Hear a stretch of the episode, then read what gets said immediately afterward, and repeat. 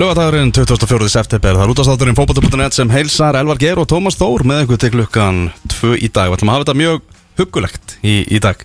Það er, uh, það er haust úti, mm. rosa mikið haust og við ætlum að fara yfir alltaf helsta sem að gerast í vikunni. Við ætlum að heyra meðan hans í örvari Arnarsinni sem var eini fjölmiðlamadurinn sem að var viðstatur og bara einn Næ, næstu eini maður sem var viðstættur nánast þannig þegar uh, Venezuela og uh, Ísland leiku æfingarleik uh, vinnáttarlandsleik núna í vikunni við ætlum að ræða um undir 21 áslandslið við ætlum að fara yfir svona þjálfara slúður og, og, og alls konar dæmi að nóa ræða, það nóa gerast í boltanum og, mm. og heila bara stærsta frétt vikunar nánast gerðist í gær, setnipartin í gær bara strax eftir að þessu undir 21 áslandsleikur kláraðist þá kom fréttin á heimasíðu Káa um það að það eruðu þjálfaraskipti bara samstundis hjá Akureyrar félaginu Arna Gretarsson, hann er horfin og braut og Hallgrimur Jónasson skrifaði undir þryggja ára samning. Þannig að Hallgrimur bara tekið við liðinu og stýri liðinu í þessu uh, þessari uh, tvískiptingu sem að, að framöndan er. Þetta eru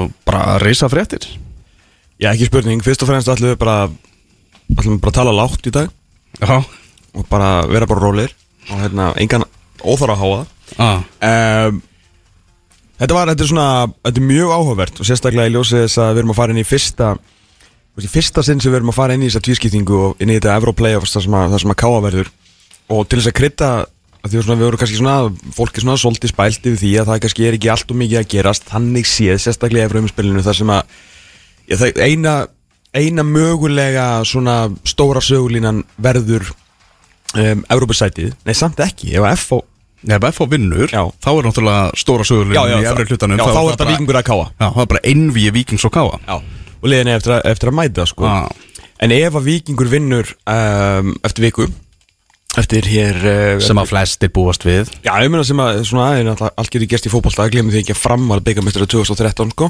Þetta er 3-0 vikingur, eitthvað þannig. 3-1 er þetta haldi Ok. Hérna, uh, ég er svona ekki búin að sjá leikin Þannig að uh, þetta, þetta er náttúrulega mjög aðtegli verð sko, og setur þetta náttúrulega þetta Evróumspil í svona aðeins annað svona aðeins öðruvísi umbúður þegar Káa sem er náttúrulega bara í hörku og gæti verið í hörku bara um mætir með nýjan þjálfara. Já. Um, og þetta er náttúrulega svolítið svona ég veit ekki, er þetta ekki svolítið veist, afleðing af því sem er búið að vera að gerast núna síðustu vikur með þetta, þetta fjölmiðla fári kringum Arna Gretarsson og, og svona svo sem allir viljað vita þú veist, það er ekki, þetta er ekki uh, leindarmál lengur. Það, hefur, hérna, það fór náttúrulega bara stað þér bara snjóbolti með að hann vildi komast til Reykjavíkur þannig að maður þurfti ekki að ringja hann persónulega og spurja langaði að komast aftur í höfustæðin það var nokkuð ljóst sko en, en svona skrítið samt og örgulega hann hérna, ég veit ekki hvort hann sé- sé svektur þú veist, eða svona hvernig, hvernig honum líði með þetta. Það var náttúrulega gaman að heyra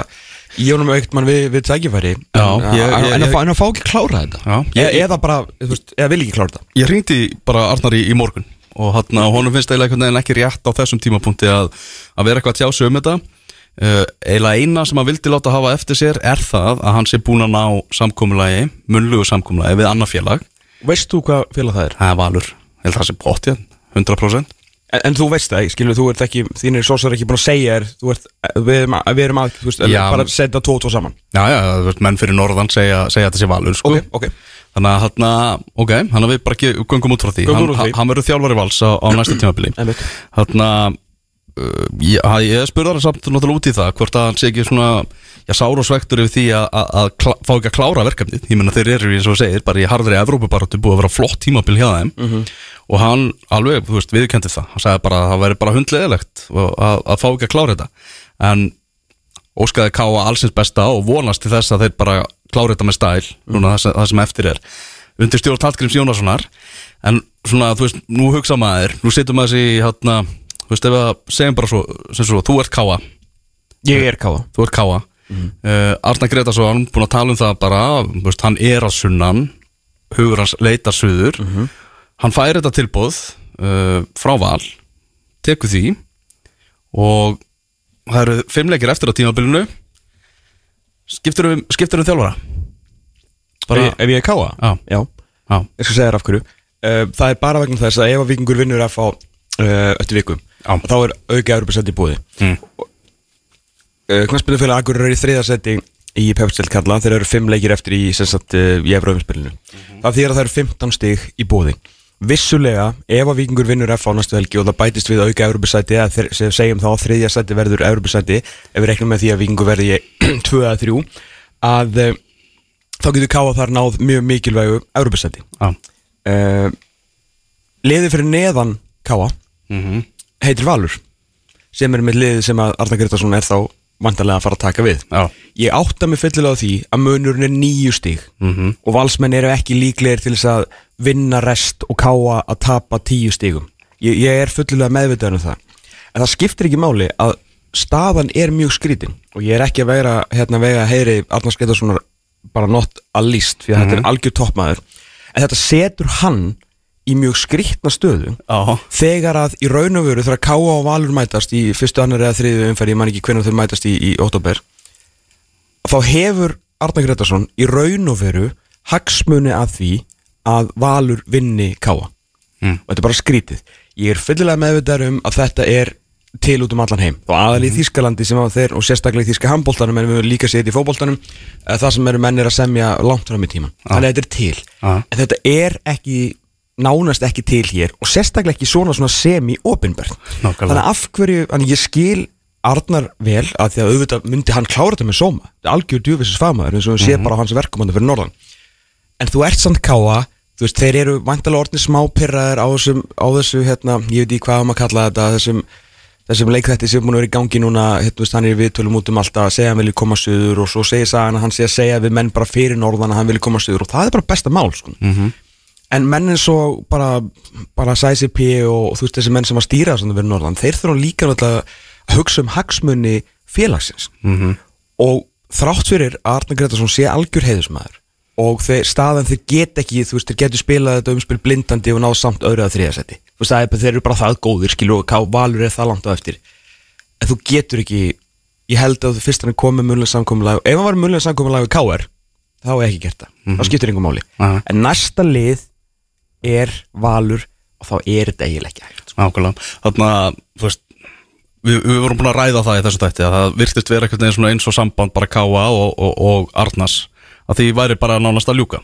Og, og ég menna Káa menn hafa gert sig grein fyrir því og, og greinilega búnir að taka það ákvörðun. Ef að Arnar Gretarsson er ekki að fara að halda áfram þá er Hallgrimur Jónasson maðurinn sem er að fara að taka við skúturinn Æmitt. og sérstaklega þegar gátu þú veist, voru með bakkuplanið að næsta ekki segja ekki bakkuplan, segja bara næsta skref klárt þá var þetta líka auðveldra ákvörðun. Mm -hmm. að þeir alltaf treysta hatta fyrir þessu. Já, þau, þau, þau, það var bara ákveðið ef að Arnar fer þá er Hallgrimur að fara að taka við þessu.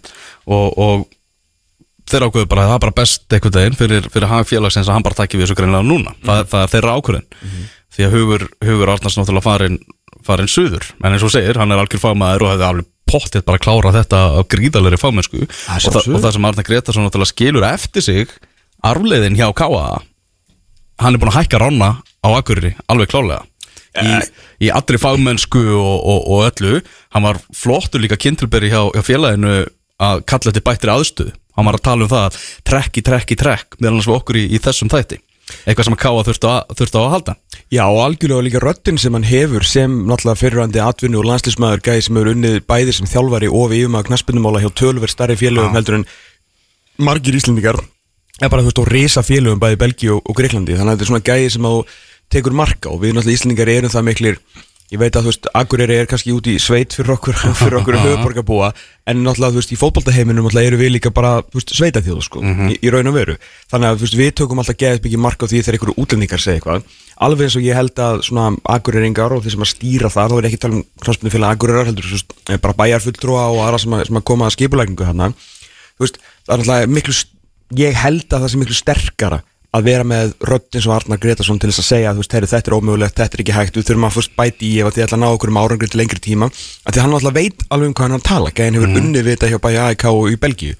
Þannig að hérna, veist, það er öðruvísi ef að eh, bara, veist, með fullu virðingu ef þetta væri, skilur bara innan gæðis að lappa hatti, ef hann væri búin að, að þjálfa á í svolítið tíma eða bara einhver, norðanmaður að því að þú veist, þú- heyrir svolítið alltaf sama gjammið frá skiluru heimamönnum að þeir náttúrulega eru ykkur starf í, í pottinum a- að kvarta, þeir eru í, í bakarinu brúna að kvarta, þeir eru í netto að kvarta. Og það verður svolítið bara svona gjam.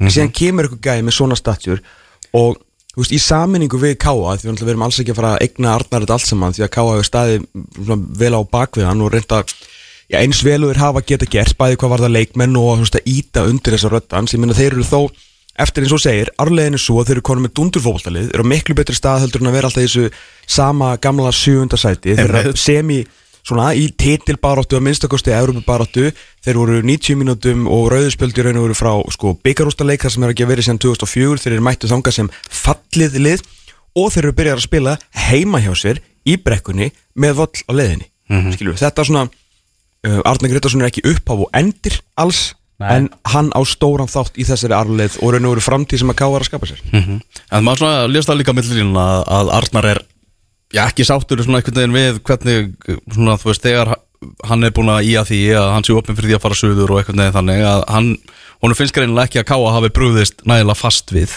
bara með því að reyna, reyna að halda sér Nei. maður sér það meðal annars í, í, í Twitterfæslum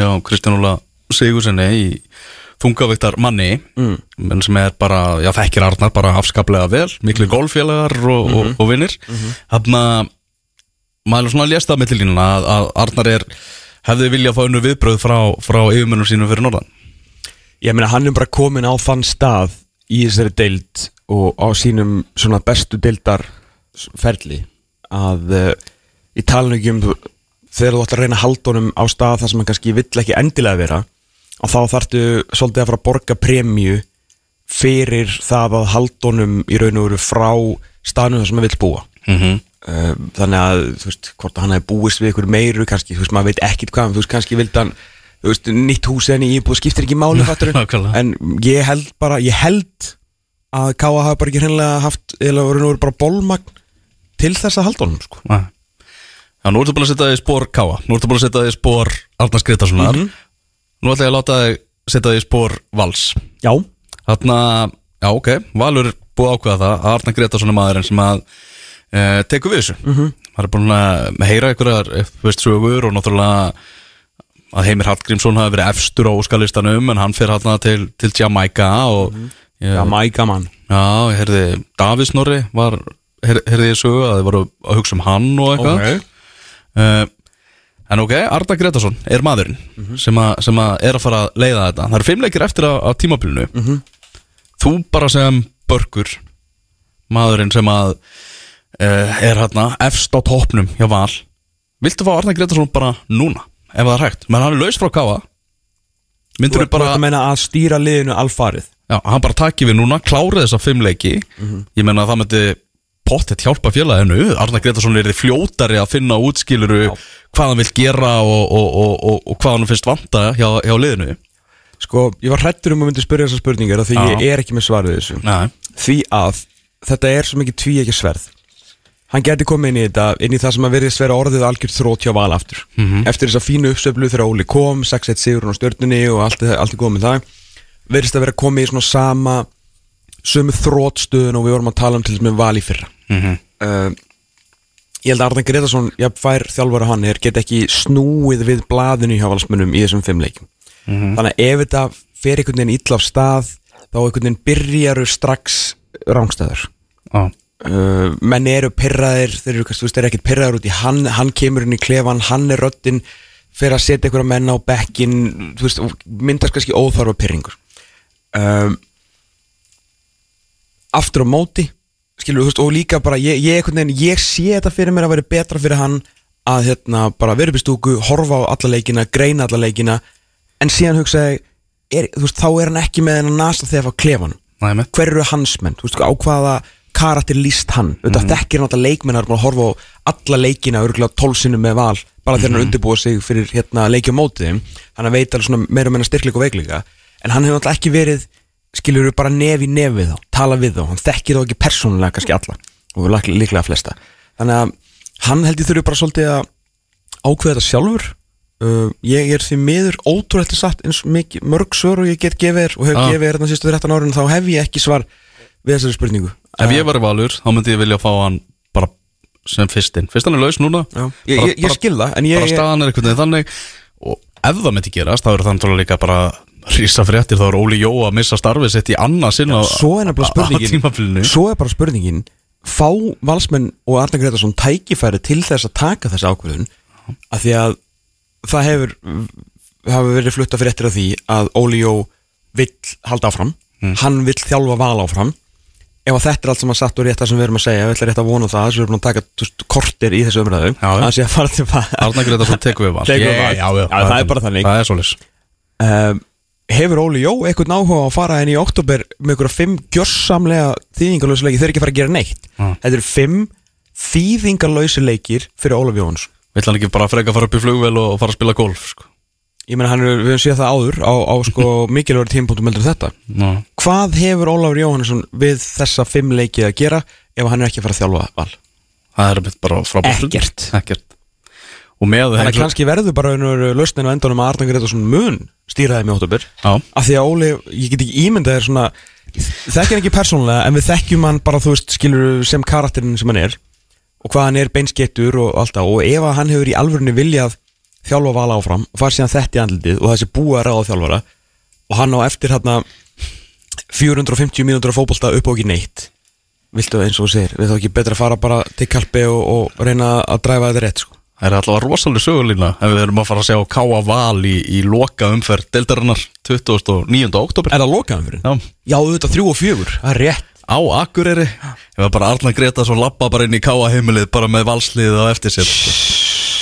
Wow. Það er sögulína sko held ég ef að Káa myndi tapa kannski fyrstu tveimur leikjónum eða eitthvað Já. og það væri ef að Valur gæti komist í Evrópu með sigri og Arna Gretarsson myndi mæta norður bara og hyrðaði með Jésús Kristur. Ha? Þetta er, þetta er allt saman mjög áverð En eins og segi, það er alveg morgunljóst. Við erum búin að reyna að fá ímsa menn í, í viðtöl. Já. Bara nánast alla sem að, sem að tengjast þessu, þessu máli. Mhm. uh, Þetta er mjög viðkvæmt á, Þetta er á mjög viðkvæmu stíð Ég held að sé líka aðalega viðkvæmt af því að menn hafa, það hefur eiginlega lent í þessu. Nei, og í staði fyrir að fara í viðtöl og gaspra eitthvað og segja hluti sem þið kannski myndu sjá eftir að því að eflust pyrringur báðum einn þó að sé dýfst skilur niðri einhver starf á bakvið er skilningur hjá öllum aðilum þú veist þá er það er held, veist, hlýtur að vera djöfisins pyrringur og þjálfari sér farin þegar það eru fimm leikir eftir fimm mikilvægstu leikir hjá Káa bara í sögunni, eða ekki? Jú. Að- í- háa hann á stíði, þeir eru meistarar mm Bara frábært tímabili þeim. Hallgrimur Jónasson er, er nýr maður Svo útvaldi hjá, hjá, hjá káamönnum við degnunni lengi. Já, búin að vera bara einhvern veginn svona í skóla þarna fyrir norðan. Við erum náttúrulega búin að heyra alveg stórkostlega hluti um hann og, og hittum hann náttúrulega þegar við í COVID þegar við tókum hérna upp, uh, fórum Jú, jú. akkurar Norðurlandsreisuna Algjörlega. hjá okkur og, og bara einn mest spennandi ungi þjálfari landsins, það er ekki flóknulega það. Nei, spennandi tímar. Og heimamaður, eða þú veist, alltaf því. Já, já, nákvæmlega og Norðanmaður. Já, já, og maður hefur heyrt það líka að hann er alveg svona, náttúrulega káaliðið þeirra svona sterkasta er náttúrulega vörninn, þessi svakalega vörn. Mm. og þar er náttúrulega bara Hallgrimur Jónasson búin að hafa reysarött og, og búin að Ekki það aftur því að hefur nú í gegnum tíðin að kunna að skipuleikja varnarleik líka? Já, og þegar þeir koma þarna saman þá hefur það allavega Ára, fjandanum er verið að skora á það lið. Já, það er þannig. Þetta var vikingrættar Já, stórfréttur bestdeildinni í gær Við munum fara nálar út í fleiri einhverja þjálfarasögur og þjálfaramál hérna setna í þættinum En við ætlum að eh, mynda okkur í alansliðið eftir smástund. Já, hérna er Örvar Arnarsson að rækja- sig í- beinni útsendingu. Blessaður Örvar Afsakið, velkominir Restur og kátir, ætlum að fara aðeins yfir í, í A-landsliðið sem að, eh, já, var að spila þannig að leika mútið Venezuela, vináttu landsleik í Austuríki núna í, í vikunni. Og uh, þú, Örvar, varst svona einn af hvað, eitthvað 30 manns sem að voru hérna viðstættir hennar leik? Já, eitthvað leiðis, það var vist engin miðasala og það var öll, öll hlið að, en einhverju fengur nú samt að koma og einhverju greinlega bóðskestir sem að hinga á þangað. Ah. og svo sá ég að svona eftir að eftir tímyndur leina á leiknum eða eitthvað þá komu einhverju íslendingar líka. Þannig að það var svona, já, 30-40 manns eitthvað svo Það var ekkert verið að marka settir hennar leik neitt í, í Austuríki, svo að segja, bara hliðin læst og þetta var bara spilað, þetta var bara vináttu landsleikur Venezuela og Íslands fyrir luktum dyrum í, í Austuríki Já, sem að uh, svolítið að því að þetta er fýtt möllir, þetta er völdur sem að hefur verið spilað á í austurísku búndeslíkunni og, og hefði svo sem alveg hægt, en kannski er það eitthvað bara varandi hvort að þetta það hefði mögulega ekki borgað sig. Ég veit það ekki en, en þetta var allavega eins og það var og var enga sögur, það var hörku stemning og var skemmtilegt svona það var skemmtilegu bandir á milli Íslendingana og, og Venezuela, allt í mjög góðu en það var mikið leið og, og trallaði í stúkunni. Já, maður heyrði það með, með að kofur fáir á vellinu það var, voru alltaf að læti þeim sem voru voru þarna vistandir sko. Já, það heyrist náttúrulega þegar það eru svona fáið, það heyrist náttúrulega í öllu og öllum. Þannig að þess vegna var þetta ennþá áhugaverð að vera þarna á vellinu, maður heyrði bara hvert einasta orð sem leikmennindu sögðu hverju annan sem var ennþá svona skemmtilega mm Þessar fyrstu 45 mínútur af leiknum. Þetta eru bara Já, þetta er bara einn allra leiðilegasti háleikur í fótbollaleik sem ég hef bara nokkuð tíman augum litið sko. Já, drenginni mínir 2, 5 og 9 ára voru hjartanlega samanlegaðis Já, þeim fannst þetta alveg, þeir voru ekki aðteklinn var ekkit alveg hérna, hún var ekki í botni. Þeir vildu Nei, að- þetta var ekki þeir vildu alltaf að fá síman hjá þeir bara og fara að leika sér. Já, já, svona, en það var nú svo sem þetta, þeir, þeim fannst spennandi að vera ofan í þessu og svona, sem var bara æfintýri en þetta var ekki þetta var ekki skemmtilegt, þetta var rosa lokað og, og svona frekar hægt allt saman. Um, það gekk, gekk frekar erfilega, þau greinlega svolítið annað upplegg. Alfred frammi eins og Arnar kom inn á í viðtalinu fyrir leik. Að það var svona aðeins annað eðlilega, Arnar, eh, Alfred svolítið öðruvísi center.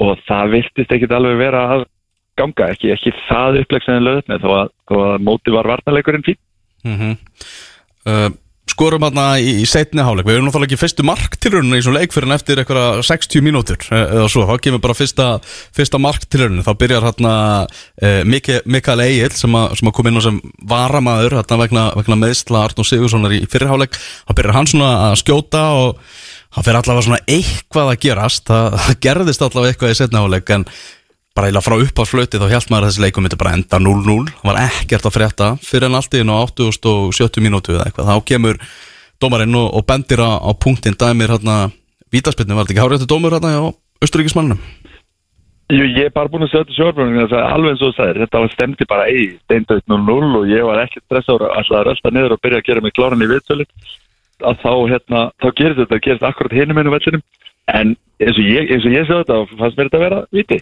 Þetta var púra viti, þetta var púra viti. Ísak Bergmann á, á punktin skorar hérna, fyrir fram á pappa sinn. Náttúrulega skoraði sitt fyrsta landstismark þegar, þegar Jói Kalli var hérna á Benidorm eða eitthvað. En hérna, skoraði hann og, og treyði Íslandi sigur í þennan leik og í þessum leik. Og ég held bara hreinlega ef þetta mark hefði ekki komið þá værum við bara ekkert að fara að ræða þennan leiki í þessum, í þessum þætti sko. þá bara mætti þessi leikur bara fara í, í gleimskunar dár sko. Já, bara eins og, eins og allt annað, bara geima þetta fyrir luktundirum en, en, en talandi um Ísak að, hérna, sést svo vel á honum og eins í viðtalinu um sem að var byrst á fólksmótunett hvað þetta er ótrúlega solid. Það sást í vítinu, það var ekkert andamála að mæta þarna. Silkislagur og bara hvernig hann nálgast allt, hann er ótrúlega þetta er ótrúlega mikill aðunmaður, ótrúlega flottur karaktergrinna á þess að- á þess að þekkja nokkuð til hann sko. um, hann kom líka doldið vel inn í leikin hann var, kom bara inn eins og hann eftir heima og það var ekkert mál. Mm Það var að, náttúrulega yfir þetta COVID-tímabil, það var alveg allt hundleiðilegt. Eina sem var svona gaman við að vera fréttamaður á tómum laugadalsvelli þegar voru hérna samkomið takmarkanir var að maður heyrði hvert einasta orð á, á vellinum. Og þá meðal annars heyrði maður á sínu tíma hvernig svona Kári Átnason hvernig, hvernig hann talaði sem að var, var mjög, mjög svona skemmtilegt hvernig hann var að stýra þessu uh, Þú velur Aron Einar Gunnarsson í endurkomuleiknum hann mann leiksins, þú heyrði vantarlega bara hvert einasta orð sem að fyrirliðin var að, var að segja hann inn á vellinu Já, það heyriðist eh, ekkert eðlilega mikið í honum. Hann var ótrúlega drúur í því að stjórna öllu og öllum í kring sig. Alla færslur, allir boltar eh, þú veist, upp niður, hann var gargandi á, á kantmenn að draga sig inn eða koma neðar. Allan leikin, allan tíman og hann var ótrúlega bara solid, hann var ekkert það var svo sem engin, ekki frekar en þessi leikur fær eitthvað í sögubækunar, það var heldur engin sem var eitthvað að hérna stimpla sig inn einhvern veginn stórkostlega leikmaður, hvorki í Íslandi nýja Venezuela en Aron svona, þú veist, líka í endurkominni að koma svona solid og svona örugur í öllu sem við varum að gera það var bara mjög, mjög, var mjög flott að sjá. Mm -hmm. og gaman að sjá. Já, eitthvað, sem hefur vant, vantað þú veist, vantað í liðið þetta svona smá leitva mm og hann og, og hörðu Björgvin hann að miðvaraparið, skemmtilegt, skemmtilegt miðvarapar í, sem að Arnar Þú Viðarsson er búin að setja saman hann virkilega og Aron var, Aron var mjög drúur í því að stiga hötta á, á Salomon Rondon og, og, og, og droppaði svo sjálfur þú veist 3-4 metrur fyrir aftan. Mjög skiljanlega þannig að Salomon Rondon er engin smá smíði ég mætti honum að Mhm. þannig að hérna en höndi var mjög flottur og þessi, þessi tenging sko bæði Davís og, og hérna og þetta bara virkilega flott. Þeir voru bara nokkuð solid. Það var ekkit þú veist, Venezuela átti ekkit marga sénsa. Þráttur að vera mjög vel spilandi fram á við. Mhm. Þóri Jóhann kemur náttúrulega inn á og, og, og nær, nær í þess að vítaspilna áttu öfluga innkomu. Mér finnst það frábær, mér finnst hann virkilega góður. Hann hérna, kom með ákveðin svona, kom með miklu meiri kraft inn á miðina hann skreflangur, hann er góður fyrsta, gott fyrsta touch og góða yfirsýn og mér finnst hann bara virkilega, virkilega flottur en að koma inn á, eins og hann hefur enda verið veist, eða undir Arnari, hann hefur verið svona eh, svona kannski sá leikmann sem hefur komið mest á óvart í þessu. Ekki bara hjá Íslandi heldur, þú veist, allt í hann bara stimpla sig rækilegin í ítalska boltan drákur sem að ekkert margir áttu vona á myndi einhvern veginn taka það skref en hann er aldrei gert það og gert það frábælega Já, heldur betur.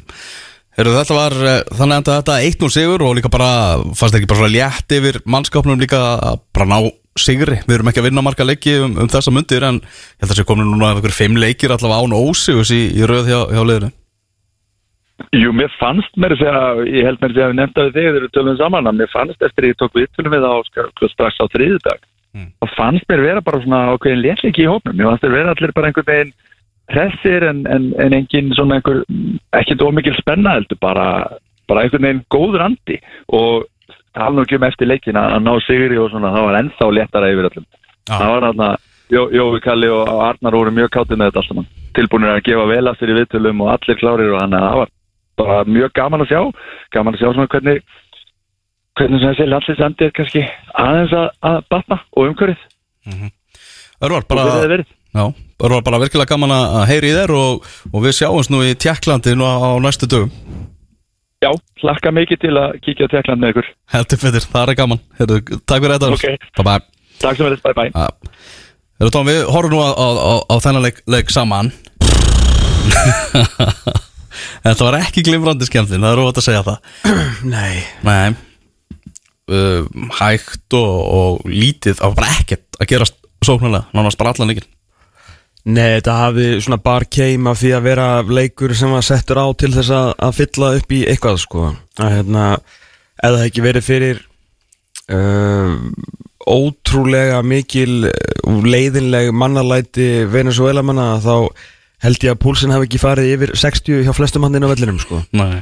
Þú veist, þeir alltaf voru í einhverjum afskaplega skröðlugum tæklingum með við, uh, hérna, með við vægi leiksins og volandi hafa hann ekki meittir ykkur fréttir á að hann segja Nei, það verður ekkert, ekkert frest að Það hóla er nú í lægi með hann alltaf algjörlega galið að vera að fara svona í tæklingar í, í vináttuleik þó að menn þurfa nú að gera það svona að eins miklum leik og hægt er þá náttúrulega átt ekki vera, ekki vera meiðamenn hvað sem það sé í vináttuleik eða, byggiróstaleik sko. Uh, en þetta var alveg þú veist, þetta var alveg og líka bara þú veist, það var ekki bara það að þetta var leiðilegt að allan að fyrri 45 og já, og svona þar til að við kom nú svona smá gýr í liði sérstaklega eftir að Ísak Bergman kom inn á og búið að gera einhverja skiptingar og Þóri Jóhann líka upplöfur hérna með kraftin að þú veist þegar Mikael Egil hérna á þessi tvö skot og við svona förum að kemur aðeins meiri pressa og aðeins meira fút kannski svona síðasta hálftíman eða eitthvað. En svona fyrsta klukkutíman ish þú veist það var þetta ekki bara leðilegt þetta var þetta bara drullu lélegt ég sá ekki neitt af neinu sem á að heita eitthvað uppspil eða pælingar hjá íslenska landsliðinu sko. mm. Byrjunlið Íslands. Þetta er vantilega bara liði sem að Arnar ætlar að nota í þessum úslita leik vonandi úslita leik á móti Albaníu á, á, á þriðdægin Já, það ræðist í kvöld. Já, það ræst í kvöld. Það er svona svo bara örskýring að Ísrael og Albanía mætast í, í kvöld í, í Ísrael klukkan 18.45 ef að Albanía vinnu þann leik þá er þetta bara úslitaleikur uh, milli Íslands og Albaníu um það hvort liði mun komast upp í aðild þjóðatildarinnar ef að leikurinn endar með jafntefli í kvöld Ísrael-Albanía þá uh, þarf Ísland að vinna vantala með tveimur mörgum til, a, til að koma sér áfram. Mm, sem er samt alveg leikur. Sem er samtalið leikur. Þannig að eina sem má ekki gerast í kvöld það er það að Ísrael uh, vinni. Því að þá er bara Ísrael komið upp í aðtildina Já. Og uh, við verðum áfram í, í B-tildinni það er ekkert lið sem fellur úr sem reyðli nema Rústland sem að fellur sjálfkrafa. Uh, spilaði, spilaði enga leiki út af, út af stríðinu að, að er hafna en maður sá það bara hugsaði strax og byrjunarliði var tilkynnt. Þetta er öruglega byrjunarliði bara er bara að að dreila byrjunulið bara fyrir leikina á, þriðudag Það er ekki ólíklegt, en helduru eða spurðu einhver sem ég misti af hvort að pælingin var alltaf með Gulluviktur út af herrameðin eða kom það til út af uh, Alfons Já, sko þegar hópurum var tilkynntur þá vakti alveg aðtekli að Guðlegu Viktor var í flokki varnamanna mm. hann var, hann var flokkaður sem varnamaður í hópnum opinbera tilkynningunni hjá KSI sko. Já og við náttúrulega erum að þú veist eins og þú segir sko að fara í svona mikilvæg leiki eða mikilvæg leik skulum segja og á útivelli og það sem að kannski hefur verið erfiðast fyrir Alfons í, í svona þessu systemi okkar eins stórkostlegur hann er með, með bótu glimt að um, hefur hann verið því miður á köplum bara freka slagur í, í að verjast og ef það er eitthvað sem við þurfum að halda þá er það að verjast og þá sá við hvað Gulli gætt gert með þessum svakalega skrokki sem að hann ber hérna fyrir neðan hefða sér mm. Bara þegar var að stíga menn út og bara, þú veist, þetta, menn voru bara eins og krakkar í hringum hann, það var kannski sérstaklega gaurið sem leit út eins og krakki hérna í, í Venezuela liðinu sko. Já. uh, Nei, hann var hérna hann alltaf leit mjög vel út á það hann alltaf hafa, hafa svona vel inn á en ég, ég spyr mig hvort þau þurfum samt ekki hafa þessa, hérna þessa vel inn á miðunni á Mondelvaníu Já, en hver að þá verið hægri bakur bara, ég er einhver eða? Það er alltaf, alltaf að finna einhvern. Ég veit það ekki. Henda, hirti Hermann sinni hann eða eitthvað. Eitthvað, já. Já, já, bara Já, og svo er náttúrulega spurningin eins og segir með Arnur Sigursson hvort að hann verði, verði leikfær verði engar, engar fréttir borist af því og, og þá spurning hver kemur inn á í, ef, að, ef að Arnur getur ekki spilað á þriðutæðin heldur að Alfred byrja upp á topp? Já. Ég held að verði bara svona Þetta verði bara byrjunlið svo, svo fremið sem að Arnur Sigursson segil það er bara sama lið. Já, já, Ég- Það- já. me- mega alveg senna sko. Einhverju svona, einhverju jákvæði punktar fleiri sem að þetta er að taka. Ég vil kannski nefna Mikael Egil eh, svona innkomuna hjá hans Já, ég held að það hefði gert mikið fyrir hann bara að vera, það var ekki eins og hann hefði hérna, að því að veist, í fótboltaumræði er náttúrulega rosalega mikið sögufölsun sko og svona uh, hann er, var alveg jafn lélugur gegn Samarino þó hann hefði verið sprækur í þessum leik. Já, já, og þráttur að hefði verið ógeðslega lélugur þá og þá ertu ekki þeimun betri að því áttu tvö skot á marki eða að marki en hann var sann sprækur Já. og hérna og svona, þú veist, óhrættur og Já, þú veist, það er það þú vilt sjá þú veist, Já. það er búið, það er langt frá þessu leik það er bara, ef það er talað um íslenska landsliði bara talað um hvað hann var ógeðslega lélugur hvað hann er að gera í þessum hóp, ég tala nú ekki um þegar uh, hérna, Albert var ekki valinn og af hverju er hann þá valinn og hérna, bara vel gert hjá hann að vera þeim en þetta sprækjar og átti bara sínar bestu mínútur uh, í landsliðstreginu hinga til.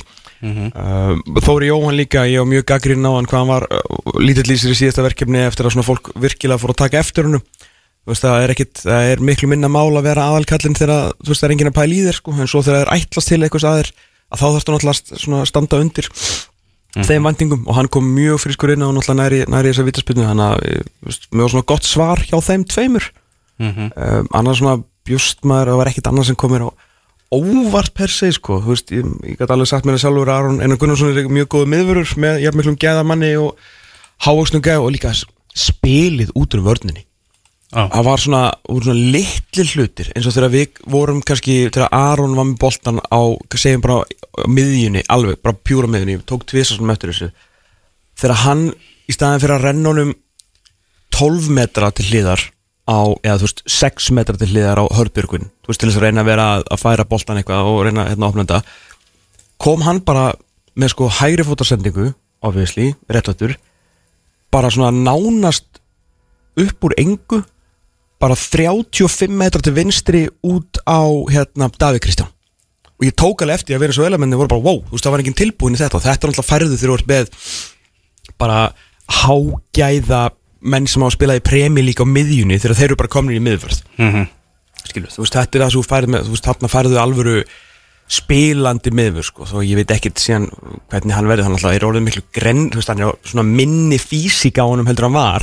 Ég, ég, svona hann lítur alltaf út fyrir að vera aðeins léttari. Mm -hmm. að það sé bara, það sem er að halda svona í honum ha- halda í honum fótboltalífinu, sko þannig að hvernig þegar við förum í ykkur svona þú veist, emmi og svona, já, maður eftir að sjá hvernig hann kemur út af þeim í dag, en eins og Örvar var að tala um veist, þetta snýst alltaf um að vera svolítið skinsamur, sko, þú setur bara höttabjöka í, hérna uh, upp í emmiðin svo bara sópar þú undir og kemur um í spil. Tala, tala, tala. Líst vel á þetta sko þannig að það er bara, einhvern veginn miklu meiri ró yfir, yfir liðinum bara með því að vera með Aron Einar inn, inn á fótbolltafellinum Ísak var bara í þessu viðtalið svo var það bara starstruck. Já, hann er alveg frábær. Leðilegt hann hefði ekki komið með fyndnara svar hann þegar hann var spurður út í að pappan segði loks að sé landslismark hjá hann Telur samt fyrramarkið af því að pappan sá það ekki? Valla sko Var þetta ekki fyrsta Það var fyrsta markið. Það En að hörgu víti hjá.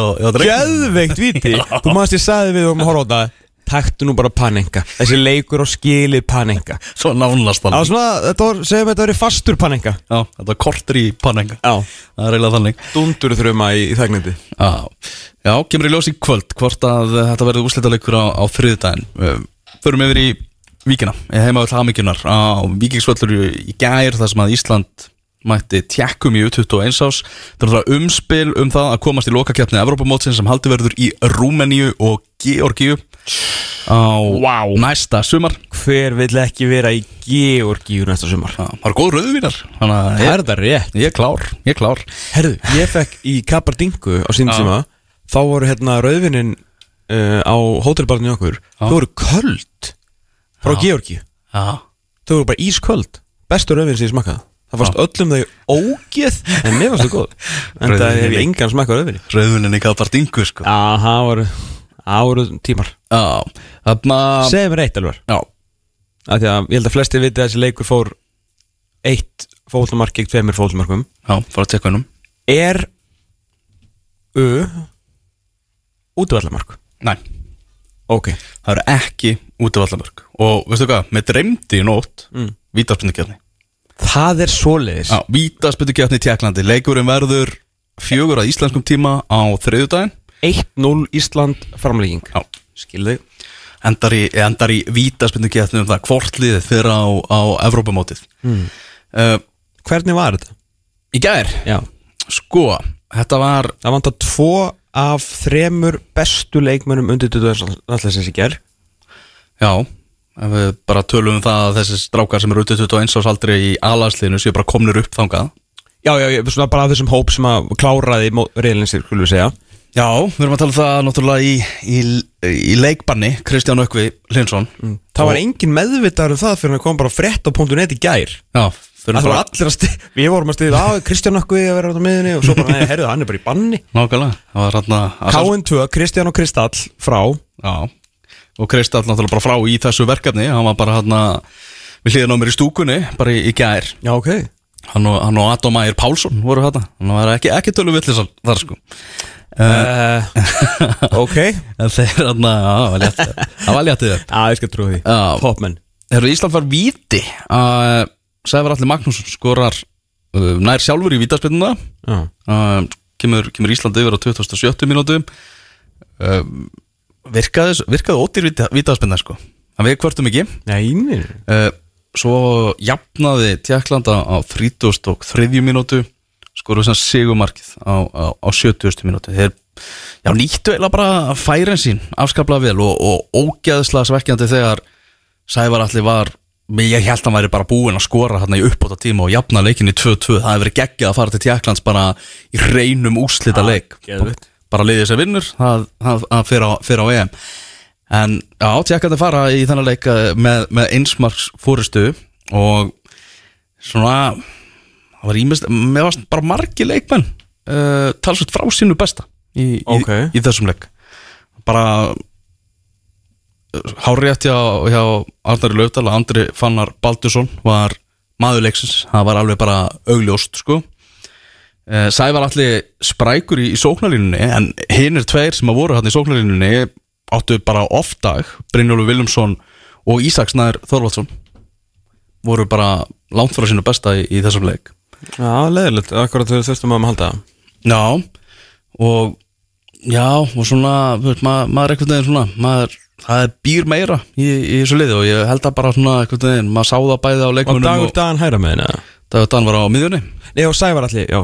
Þannig var, já, Sævar allir Ísak og, og, og Binni Vilum sem voru hérna Dagur Dan var, var, var fítni í þessu leik alveg, alveg duglegur.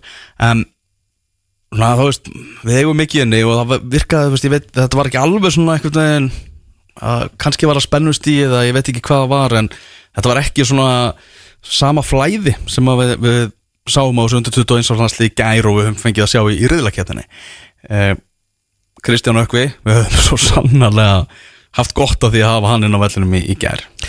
Ekki spurning og þó að þetta séu afskaplega efnilegi strákjar og það skiptir einhver máli hvort það sé undir 21 árs landslið Íslands eða Liverpool.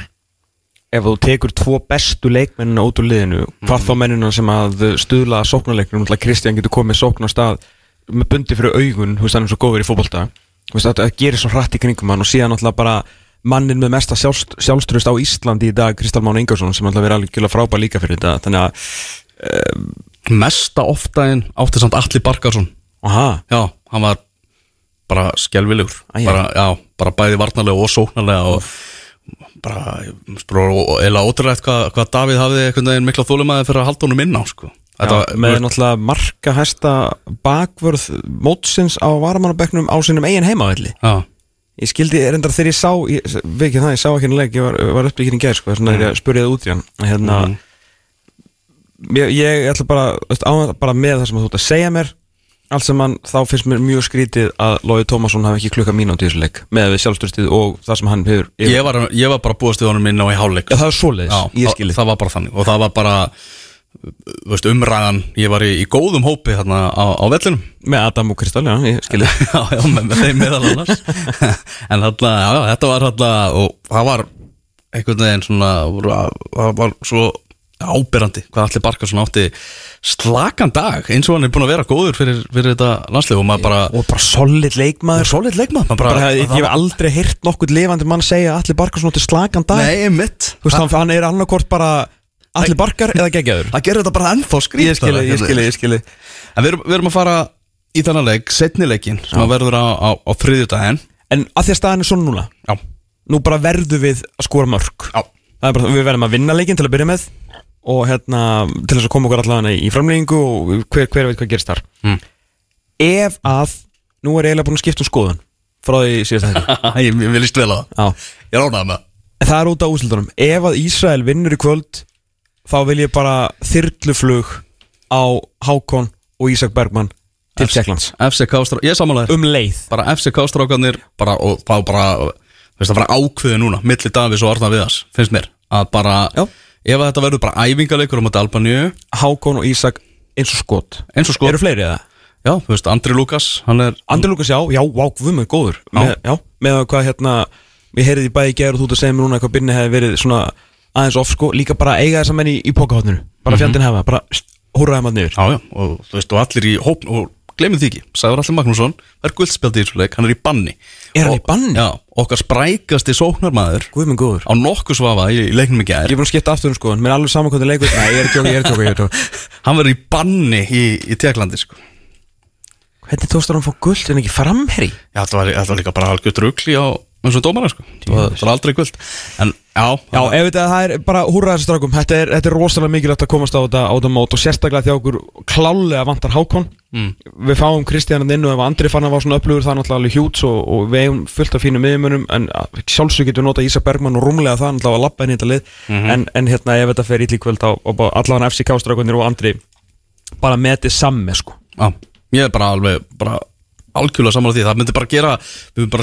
Er bara á rosalega gott fyrir íslenska eiga og líka bara er þið afreik að ná undir 21 áslagsliðun í, í lokakeppni aðra lokakeppnin í röð sko, mm -hmm. þriða sinni á þriða sinni í sögunni sko. og glemir því ekki að sko Egilur Sverrisson fyrir alla sínengagrinni á sínum ferli var sko ekki bara fór á stormót heldur var hann tveisasunum í umspili. Nei fyrir ekki einu í umspili og svo töpuðu hérna Úkrænuleiknum hérna alls ekki sætla minninga hún var úrslutaleikur í þá. Þannig að við vorum fimm sinnum í senn sko. Já, einmitt Þarna líka áhugavert, þú veist, Kolbjörn Þórðarsson uh, tjáði sig, ég minna að það verið mokkan eða eitthvað.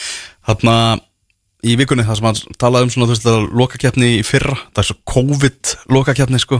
Einhvern veginn svona, það var ekki fílingurinn að hafa farið á lokakeppni, hún var líka tvískipt mástu, það var riðlakeppnin og svo kom hlið og eitthvað, og við komumst ekki upp úr riðlunum, þannig að það var ekki það kom aldrei svona, einhvern veginn svona stórmótsfílingurinn í, í leikmenn, sko. Ég er nefnilega, ég skil nákvæmlega hvað hann er að fara því að ég var að undirbúa mig fyrir lýsingu um daginn og það er já strákurinn hérna Fabio Vieira.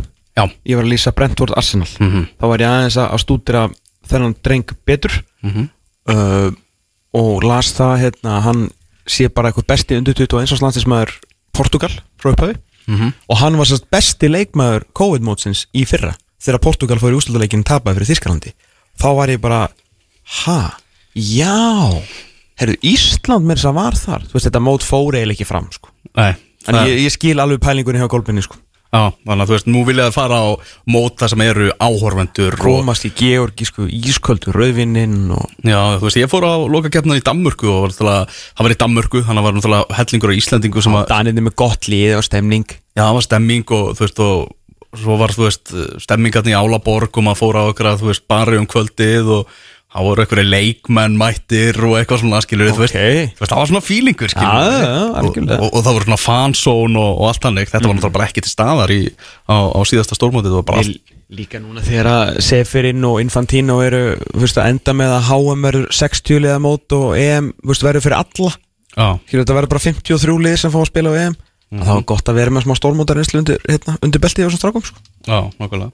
Þarna bara Mikael Egil, hann er líka löglegur bara svo þarna höldu því til að Það er ég hann er líka undir 21 eins og aldrei, hann er bara 2002 mótel sko. Það veit bara ekki neitt um hann. Hann, bara, hann fór hérna út áður en hann skilur varði eitthvað hérna heima og keftur náttúrulega bara svo 15 ára eða eitthvað. Hérna, Já, við hefum alveg nóga mönnum hann. Og hann, við erum náttúrulega að tala um það að hann er með sko á rekordinu núna á þessu tímaplan með, se- kom með 6 leiki í serju A deildinni sko.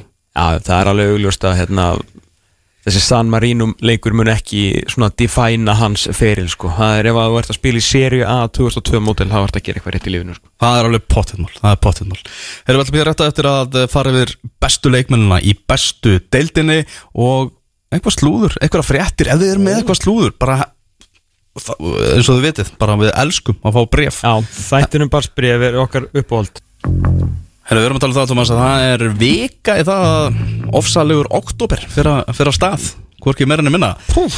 Uh, Verður hann ofsalegur í efri hlutanum? Það er spurningin, eins og við segjum, það er bara einhvern veginn til að gera hann ofsalegan þá þarf F að vinna þennan byggarhúsleik sem verður á, á lögadaginn Já, til, að, til að gera efri hlut það er allt náttúrulega í kleinu hann í neðri hlutanum, það er alveg klart Já þar verður fjörið sko. þar verður stuðið en möguleika því bara ef að vikingur vinnur byggamestaratitilin að það nánast ja, sé að enga að keppa í, í efri hlutar uh, Ef FH vinnur ef, að- vikingur vinnur ef að FA vinnur þá eru þeir konum með Evrópusæti og vikingar að fara í NVVK Já, já, já, já. Já. Þetta er flóknur en nú, ef maður heldur. sérstaklega svona á svona dögum það er þungt yfir en Já, sálinn, tindrandi við. sálin er tindrandi björn það er bara þannig, þetta er allt saman, allt saman að, að, að fara að hefjast og það er búið að byrta náttúrulega leikja niður í þessu Já, og hann að hún var nú sem betur fyrir augljós, þessi ljós fyrir mót Þetta er ekki, Já, þetta er já. ekki dreigð upp úr hatti bara hann að fólk viti það sko. Já. að formúlan var sett á undan fór stað. Já, það vissu allir á, formúlunni en nú er komin svona já, leikja niður en klukkan hvað leikinni verða og náttúrulega flesti leikinnir í efri deildinni eru bara spilaður á, á gerfigrassi það er bara káer í efri hlutanum sem er graslið, þannig að það eru flóðuljós í efri hlutanum. Allt graslið nema fram í neðri hlutanum. Þannig, Og þannig þetta allt sem var bara einhverju hátegisleikir þá í nærhlutunum með það Já, nánast sko. En uh, sko það er komin, komin dagsending En ég er búin að heyra það að það er alveg möguleik á því að í loka umferðunum þá verði leikir færðir. Þegar sést skiluru hvað leikir eru ekki að fara að tengjast og allt þannig. Þannig að þá er alveg hægt að slíta, slíta í sundur. Þú veist eins og til dæmis í loka umferðinni í efri hlutanum þá er breyðablika mæta vikingi í kópóðinum Sá leikur settur núna á laugardag klukkan eitt. En ef það er engin annar leikur sem er að tengjast þá er alveg hægt að spila þennan leika og bara, þú veist, um kvöldið eða bara hvernig sem er, sko. Hvenar er vikingu káa? Herðu, Víkingur Káa er, skal ég að segja, du, du, du, í þriðjumferðinni, lögadaginn 15. oktober klukkan 5. Ok Þá, þá er hann, hvað er þetta að pæla í honum? Getur hann að vera bara úrsluleikur um Európa-setti? Já, já, auðvitað. Getur það reysast á leikur? Getur ris, orðið risalegur, það er alveg, alveg hárjætt. Paldi vikingarnir með hérna missa, öðvist, skilur vissus að, að það myndi gerast en ok, það er engin kárasölvi. Mm munstra saman nýtt lið uh, þannig séð.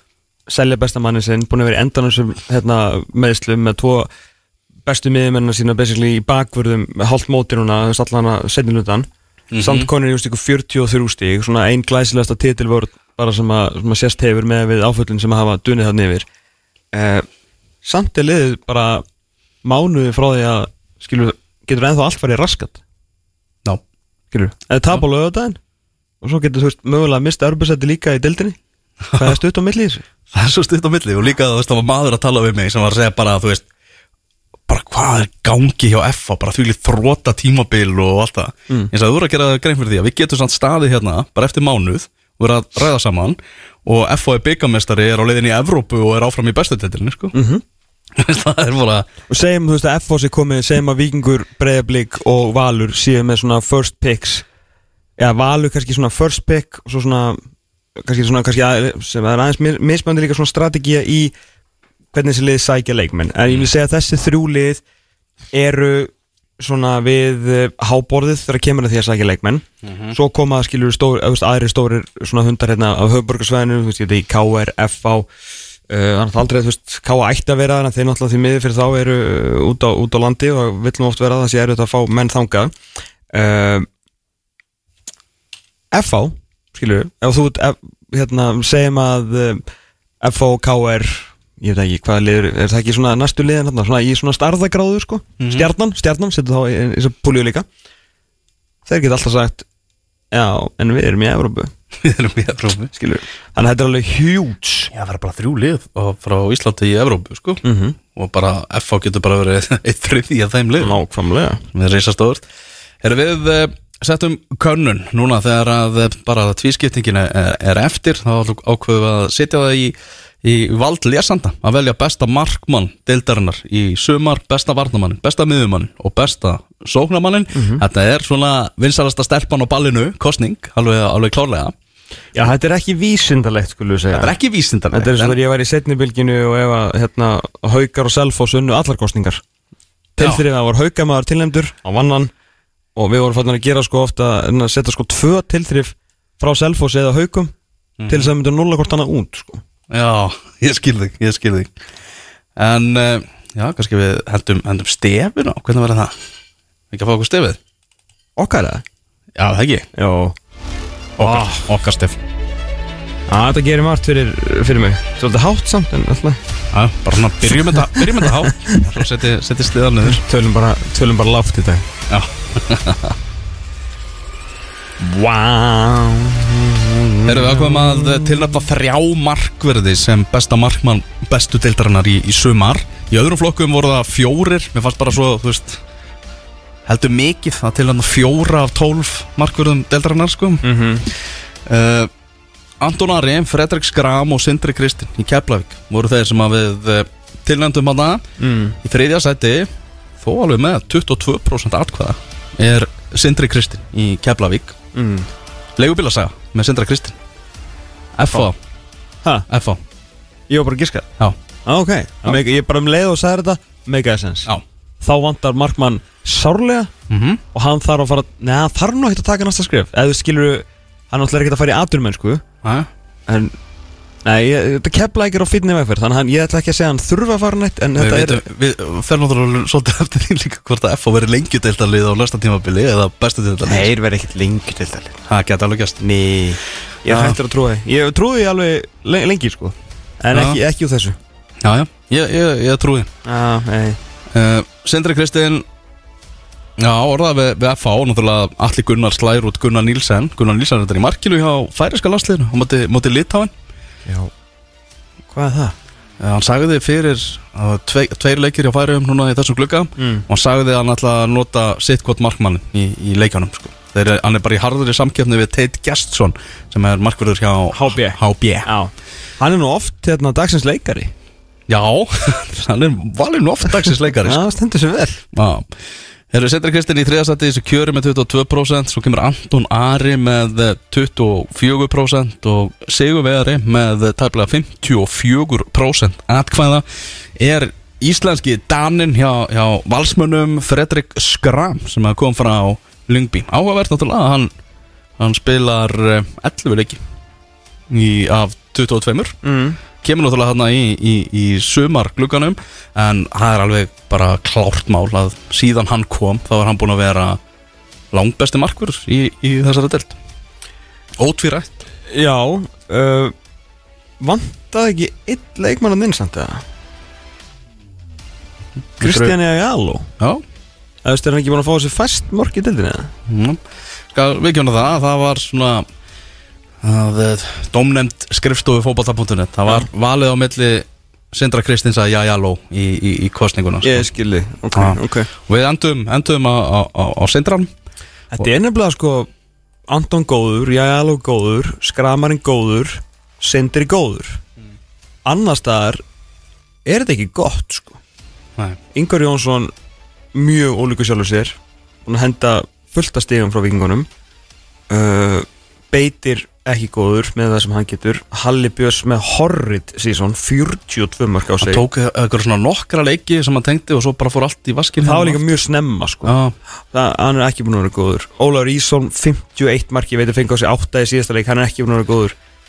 Markmanns krísa í eigum Ungistrákurinn hefur ykkur, ég veist, við veit að 50 mörg fengið á sig, er náttúrulega ekki góðu liði en þú veist, svona, hann líka tók svona smá dífu, eðlilega með liðinu þetta er ungur piltur, fattur en, en svona allt í lagi. Var búin að vera bara gott tímabili á Viktori Já, já, reynslu banka tímbil náttúrulega martröð á, á Akranesi s- sama hvort, hérna, átnin sama hvor átnin spilar. Emmett og martröð í, í hérna, eða, jú, segi mér martröð í, Já. hérna, í FO Það er bara mjög gott þegar maður er svona maður hafði eiginlega ekki gert sér grein fyrir þessu. Þetta er ekki, þetta er ekki sumar markvarðana Nei, það er alveg, alveg klárt mál. Nema hjá fjórum Nefna hjá fjórum Besti varnamaður bestu deildarinnar í sumar.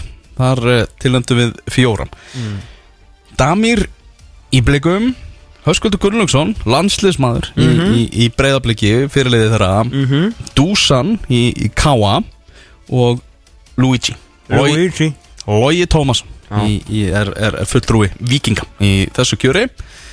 Uh, Náttúrulega um, að- aðrir sem að voru í, voru í umræðunni þarna meðal annars Ívar hjá Káa og var þetta svona hvort ef að tilnefna Dusan eða Ívar. Það eru framfara velin ásins Já, Bæja mæl. Já, Flottur.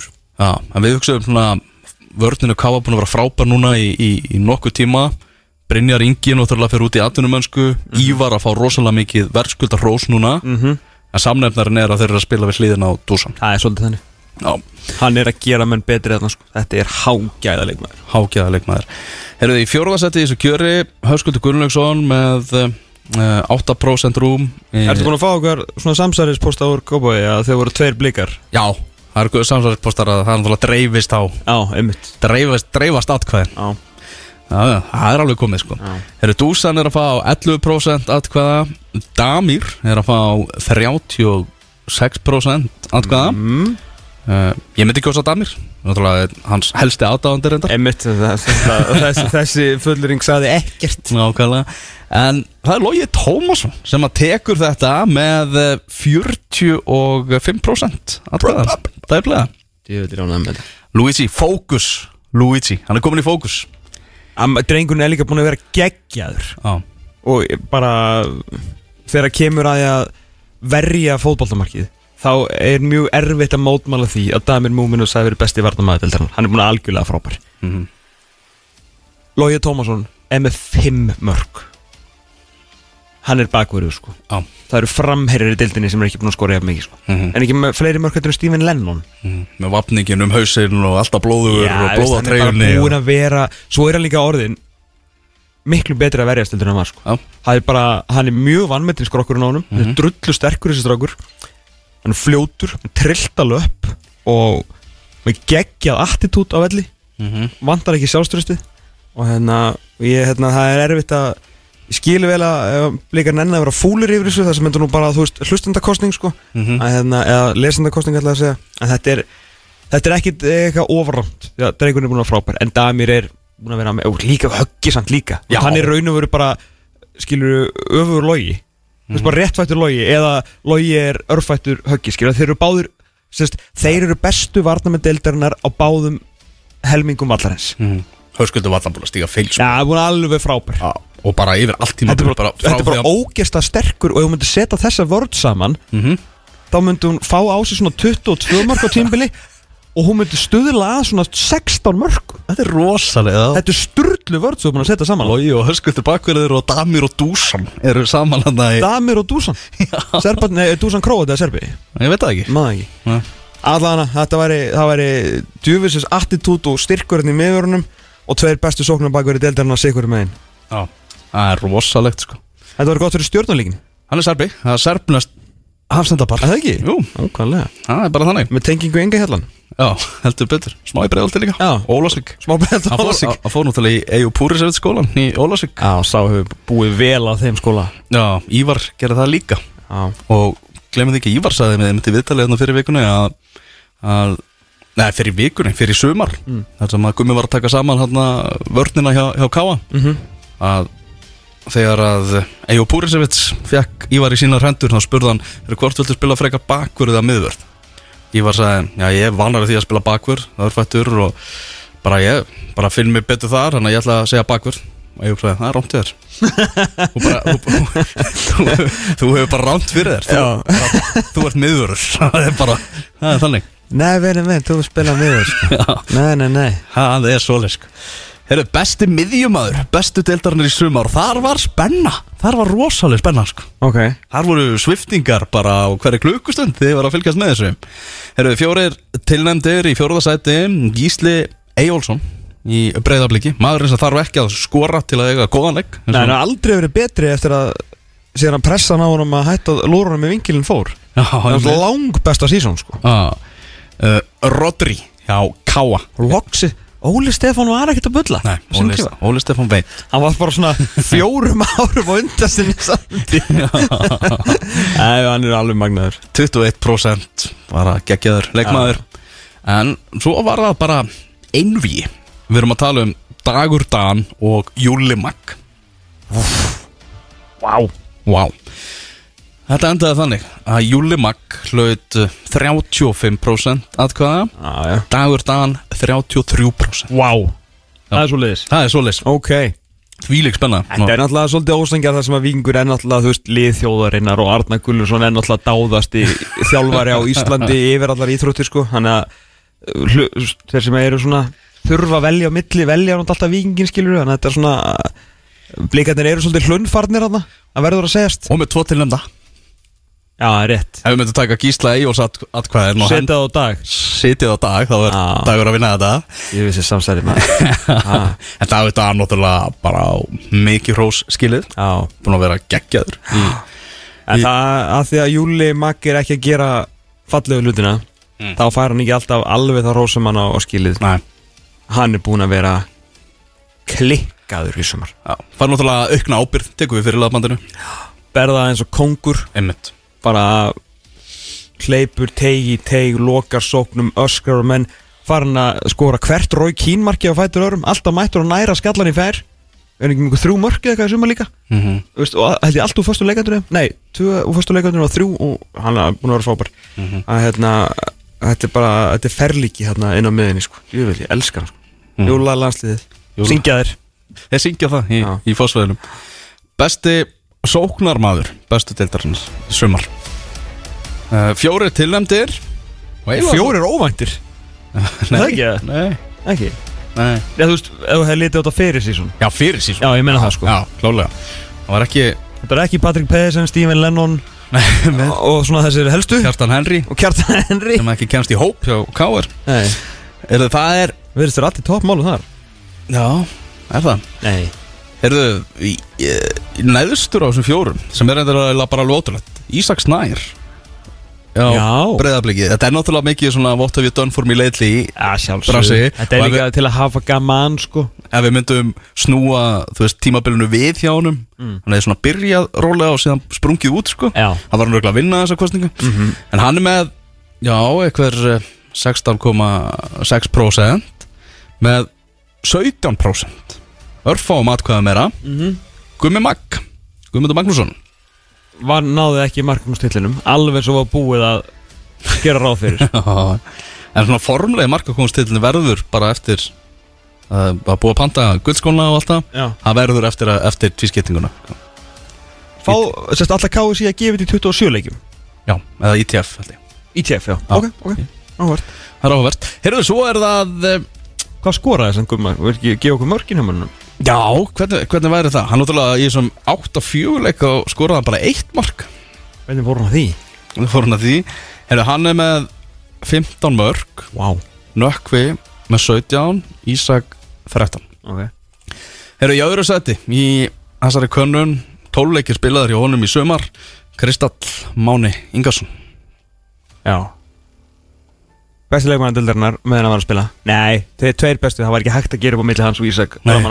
Þeir voru alveg Báðir rosalegir sko. Tóku þess að dild bara á Hökkurinn saman Örugu sigur. Erum verða þessu bara saman hjá Rosenborg? Heyrðu, það er verið að tala um það. Skemmtilegt. Já, og Ísak saði bara í viðtali við Arnar Löfdal í gæðir eftir leikinn að bara við þeirra varu langt á vegi komnar. Rosenborg er ekki klúpur sem að klúra svoleiðismálum, sko. Nei, nei, þetta verður, þetta er Ísak og Kristall saman hjá Rosenborg og þá þarf bara einhver sjómastuð að tryggja sér hérna norska boltan Algjörlega, ég held að þetta kosti ógeðslega mikið. Já, það að þeir eru bara í toppmálum með hérna, svona, þessa hluti af, af þessu normenninni sko. Mhm. en það má endilega geggja líka eitthvað með að setna það þegar veist, Kristall mun sem gera náttúrulega Ísaka vikingi svo koma báður heim. Veist, þeir eru koma heim og fara báður í viking Já, mitt Heyrðu, besti sóknarmæður, besti deltarinn í sumar uh, yfir bara kostning það er Nökkvi. Þeir Þórisson í Káa búin að yfirgefa deildina farin til Belgju mm. 41% tæp sem, að, sem að hann fekk í atkvæðum. Segð mér eitt, Já, þegar að leikmenn deildarinnar fá blað og penna núna, ég veit ekki hvort að það hlýtur þá að vera eftir ykkur vikur. Já. og þeir eru að skrifa hver er besti leikmann deildarinnar? Players Player of the Year. Mm. Hæstu vel eins og þú getur fengið í efstu deild á Íslandi Mm. að leikmennum í deildinni finnist þú bestur hver er reigning MVP? Kári? Nei, Nei, Kári var valin bestur af, af fótbolta.net Pablo eða ekki? Pablo, jú Nei Akkur veitum við þetta ekki? Nikolai Hansen Nikolai Hansen, Hansen. Já, hann, var- hann, er, hann er reigning MVP Já, Hvernig eru leikmennin deildinni að fara að velja? já. Af því að þú eins og segir réttilega What you've done for me lately Mm En leikmenn eru reynda klárir og þeir muna Þú veist, já, já. er það nökkvi Af því að hann er svona óvæntur og veist, 17 mörg og eitthvað? En hann er samt farinn? Já nokkulega Eða er það Ísak?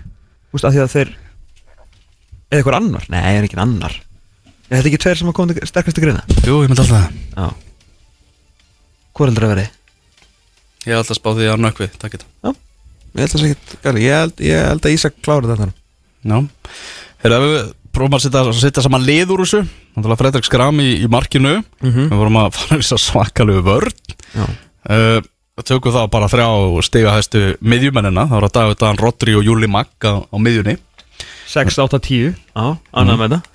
Og við tökum séðan besta sóknamannin Ég meina það var bara Ísak Snær bara skilin eftir Ef við ætlum að fara eftir uh, vali fólksins. Kemur sterkurinn að bekknum. Já, Nökkvi Gumi Magg og, og, og Kristall sem eru þá sóknarlínu En við setjum þetta saman. Þetta var, eh, já, val, lesenda og hlustenda eh, fótbolta.net hvorki meira enn minna.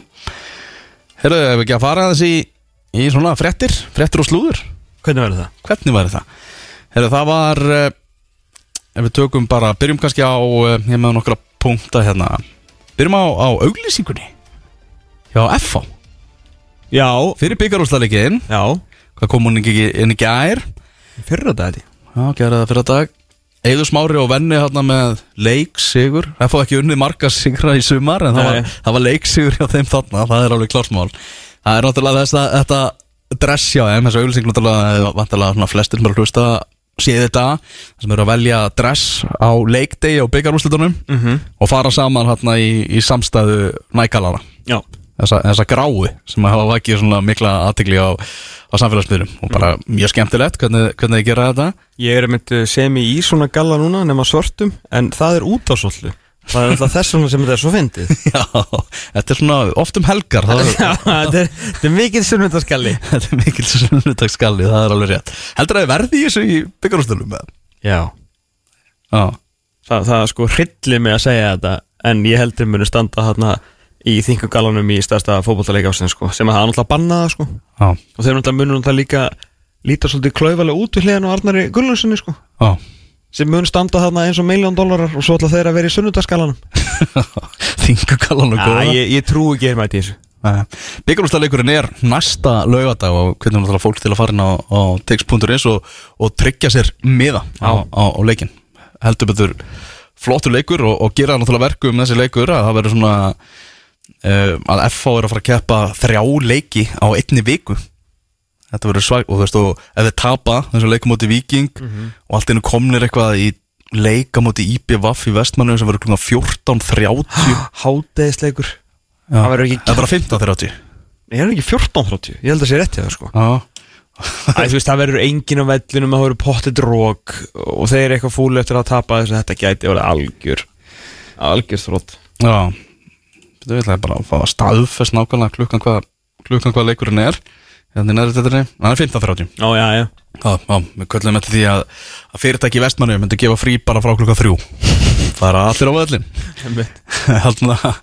Já, þessi, þessi þetta verður áhugaverður leikur. Ég segi 3-0, þú segi 3-1 Fórum við það hérna fyrir, fyrir þettinum Byggurústaleikurinn Já, Já, uh, er það leigubíla sögur af hverju er maður ekki búin að heyra hann í nöfn var hann yfirmann fótballtamála hjá KSI ég bara sko, ein mín mesta lífsins lukka þegar kemur að þessu er að þekka þig. Já. En þá þarf ég ekkert að vita neitt því að þú veist allt. Ég var bara, hugsaði bara Og svo bara fer maður- dagarnir munu líða og svo, munu við svona nöfnin detta inn til mín. Ægar, nætur, vikur, mánuðir, ár. En svo þú hugsaði bara, "Heyrðu, ég þarf að hafa fyrir því. Ég þarf að reyna að aðtuga hverju þetta eru. Og ég hef ekki komist að neinu Þetta er ótrúlegt. Þetta er ó- ótrúlega, Jörund Ráki hann er, er allavega líklegastur en það Lengi hann er búin að setja um sturla Og hann er hjörundur áki. Nú, Hann er bara eina nafni sem að við vitum að hefur sótt um þetta. Óli Kristjáns sótti ekki um þetta. Rúnar ekki. Rúna Kristinsson sótti ekki um þetta. Hverjir í fjandanum allir ekki að senda okkur bref Þú veist, uh, bara Það lína það er laus sko. Það sagði einn við mig að allavega einn erlendur aðili hefði- hefði Ó. sótt um þetta. En það eru fjórar umsóknir. Er það ekki hlægilega lélegt miðað við hvað þetta er á að vera svona eftirsótt starfi í íslenskum fótbolta? Nema það sé bara uh, ekkert allir sem að hérna, uppfylla kröfunar Já. Já, og kannski hugsa skilur bjöggust við því að Rúna Kristinsson myndi sækja um og hugsa bara svona já, ekki sé hans Svo er heldur ekki kannski svona mesta stemningin yfir knæspunni sammátt Íslands þessa dagana sko. Það er réttu punktur. Já, Já, Og það er fólk búið að vera hætta þarna og það fólk hefur ekki hætt af því að það var svo gaman. Og þetta fólk á allt vini og kunningja og þetta er á endanum hansi lítill heimur í litlu landi. Og ég held að svona umræðan uh, bak við tjöldin sérstaklega hjá fyrirvændi starfsmönu knastbjörnum saman Íslands sé ekkert sérstaklega jákvæð þannig ef að þú ert í ykkur ágæti starfi þú veist, viltu fara að labba það inn bara vanga veltur sko Mhm. en then again er þetta tækifæri til þess að taka við hæstu fótballtastöðu á Íslandi Mhm. er þetta ekki, er þetta er það eitthvað ofsum sett eða? Yfir maður knaspunumála hjá knaspunum saman Íslands ætti að vera það Þú veist, þú bara, ég myndi segja þú veist, kannski fyrir utan landslýs, A landslýs þjálfarana en menn þetta er svona aðsta fótboltastaðan og þú getur fengið að, að marka þín spór á þú veist, búa til þína arfleði fyrir íslenska knaspinu þannig að þetta Mhm. er heldur stórt gig. Þannig að jú, fjórar umsóknir er, er svolítið lítið sko. Þetta er Totti ef við sóttum, hann er nú svona gigi hjá hann reynda fór nú ekki sáttu fyrir KFC sko, Nei. Það er búið að skipta um stjórn síðan. Rétt. Mm. Það er vantilega stjórnin sem að þetta bara fyrir á borð stjórnarinnar og þau, þau ákveða þetta. Mm. Það myndi ég halda. Að þessu tengt önnulegu bílasaga Mm -hmm. uh, mögulega breytingar hjá KR að Rúna Kristinsson færi í yfirmál fótboltamála hjá KR Aftur? og Heimir Guðjónsson myndi stýra liðinu. Ok, en var ekki Lúðvík Georgsson að segja að þeir var á höstnum? Jú, það er séðan annar Alltaf þá bæta við heilu starfskildi Heimir Já. Guðjónsson þjálfur ekki frítt sko. mm En eitt er ljóst að KR þarf að gera eitthvað. Það þarf eitthvað að hrista upp í þessu. Já, það er alveg klart. Já, þetta er svona, margir náttúrulega bara að tala um að sé svona frekar skrítið með framkvæmtastjóran hérna fremstan í flokki í, í, í liðstjórninni og Bjarnar Guðjónsson er svona bara fremstur í bóðvagnum mm -hmm. og hvað mest ábyrrandi bara í, í leikjum sko. Ja, Hann er góður í því. Já, já, hún er góður í því. Þannig að þetta er, ég segi, þetta er, þetta er leigubíla saga. Uh, Svo var að tala um það uh, hvað, já, hann búið að tala um það að, að þessi uh, þetta kjartans Henry mál allt saman, að það Já. sé eitthvað að neist á milli hans og, og Bjarna. Það sé eiginlega svona einhvern veginn uh, uh, upprunni þessa Ok, Já, þetta var uh, held ég þungavíktin í ger ok mm. Áhugavert Áhugavert, hvar spila Kjartan Henry á næsta tímabili? uh, Káir K.R. Já. Kjartan Henry verði í K.R. Má, ok Ég held að þetta verði Ef hann verður ekki í K.R. Veist, hvað, hvaða liðið þá líklegast? Sko Stjarnan? Hvað, taka Óskar Örnátt að vera á bekknum þar í staðan fyrir að vera á bekknum með Káir Ég veit það ekki. Nei, aldrei, er þeir ekki að fara eitthvað aðra leið heldur en að ná í hérna svona eldri menn. Ég trú ekki að Kjartan Henry fari í val sko. Valur hefur ekkert við hann að gera heldur. Nei, nei.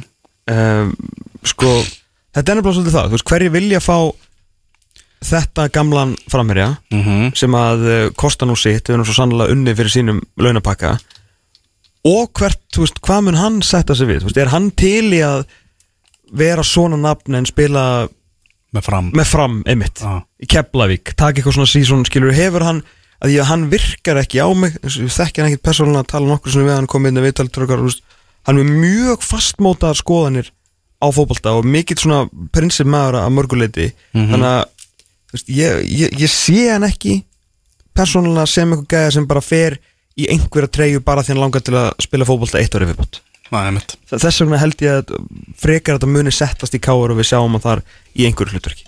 Mm það, va- það væri bara skrítið að sjá hann starta fyrir fram. -hmm. og ég held að hann sé alveg meðfittar um það. Kannski langar hann bara að taka eitt sísón og hafa gaman sko. Já. Hann Náttúrulega á sísón eftir á samlingnum mm Talandi um eiga sísón eftir á samningnum. Hallur Hansson Fyrirliði færiska landsliðsins. Veitu, hvað kom fyrir hann? Frá í nýju til tólf mánuði Hann var bara heyra ekkit á svona löngu meðslun lengur sko. Nei. Með þess að crossböndur er sem betur fyrir bara að vera komin nýr í hálft ár, sjömánuði Og hann sko mætt, Mætti mér þess að sko bara til móts við Færiska landsliði sko. Og það var bara Var í hópnum bara Eftir hennar leik. Já, Og svona maður missir vantarlega fyrri leiknum í glugganum Möguleiki að ná í setni Svo kemur allt innu bara Hallur Hansson frá í nýju til tólf mánuði Og hvað mettist hann? Hafliði Breiðfjörð uh, getur séð bara á fótbolta.net Já. hann bara náði akkurat bara mynd af því, af því þegar hann er í baráttunni við Kyle McLagan Mm. og þá einhvern veginn kemur einhver slingur hann á hnið á honum og hann svona stekkur upp og lendir sér hann borun að velli á börn Mhm. og það kemur bara ljós að þetta eru alvarleg nýjameðsli og hann verður frá í 9 til 12 mánuði þannig að hann er bara meittur það sem eftir er af samningi hans við K.R.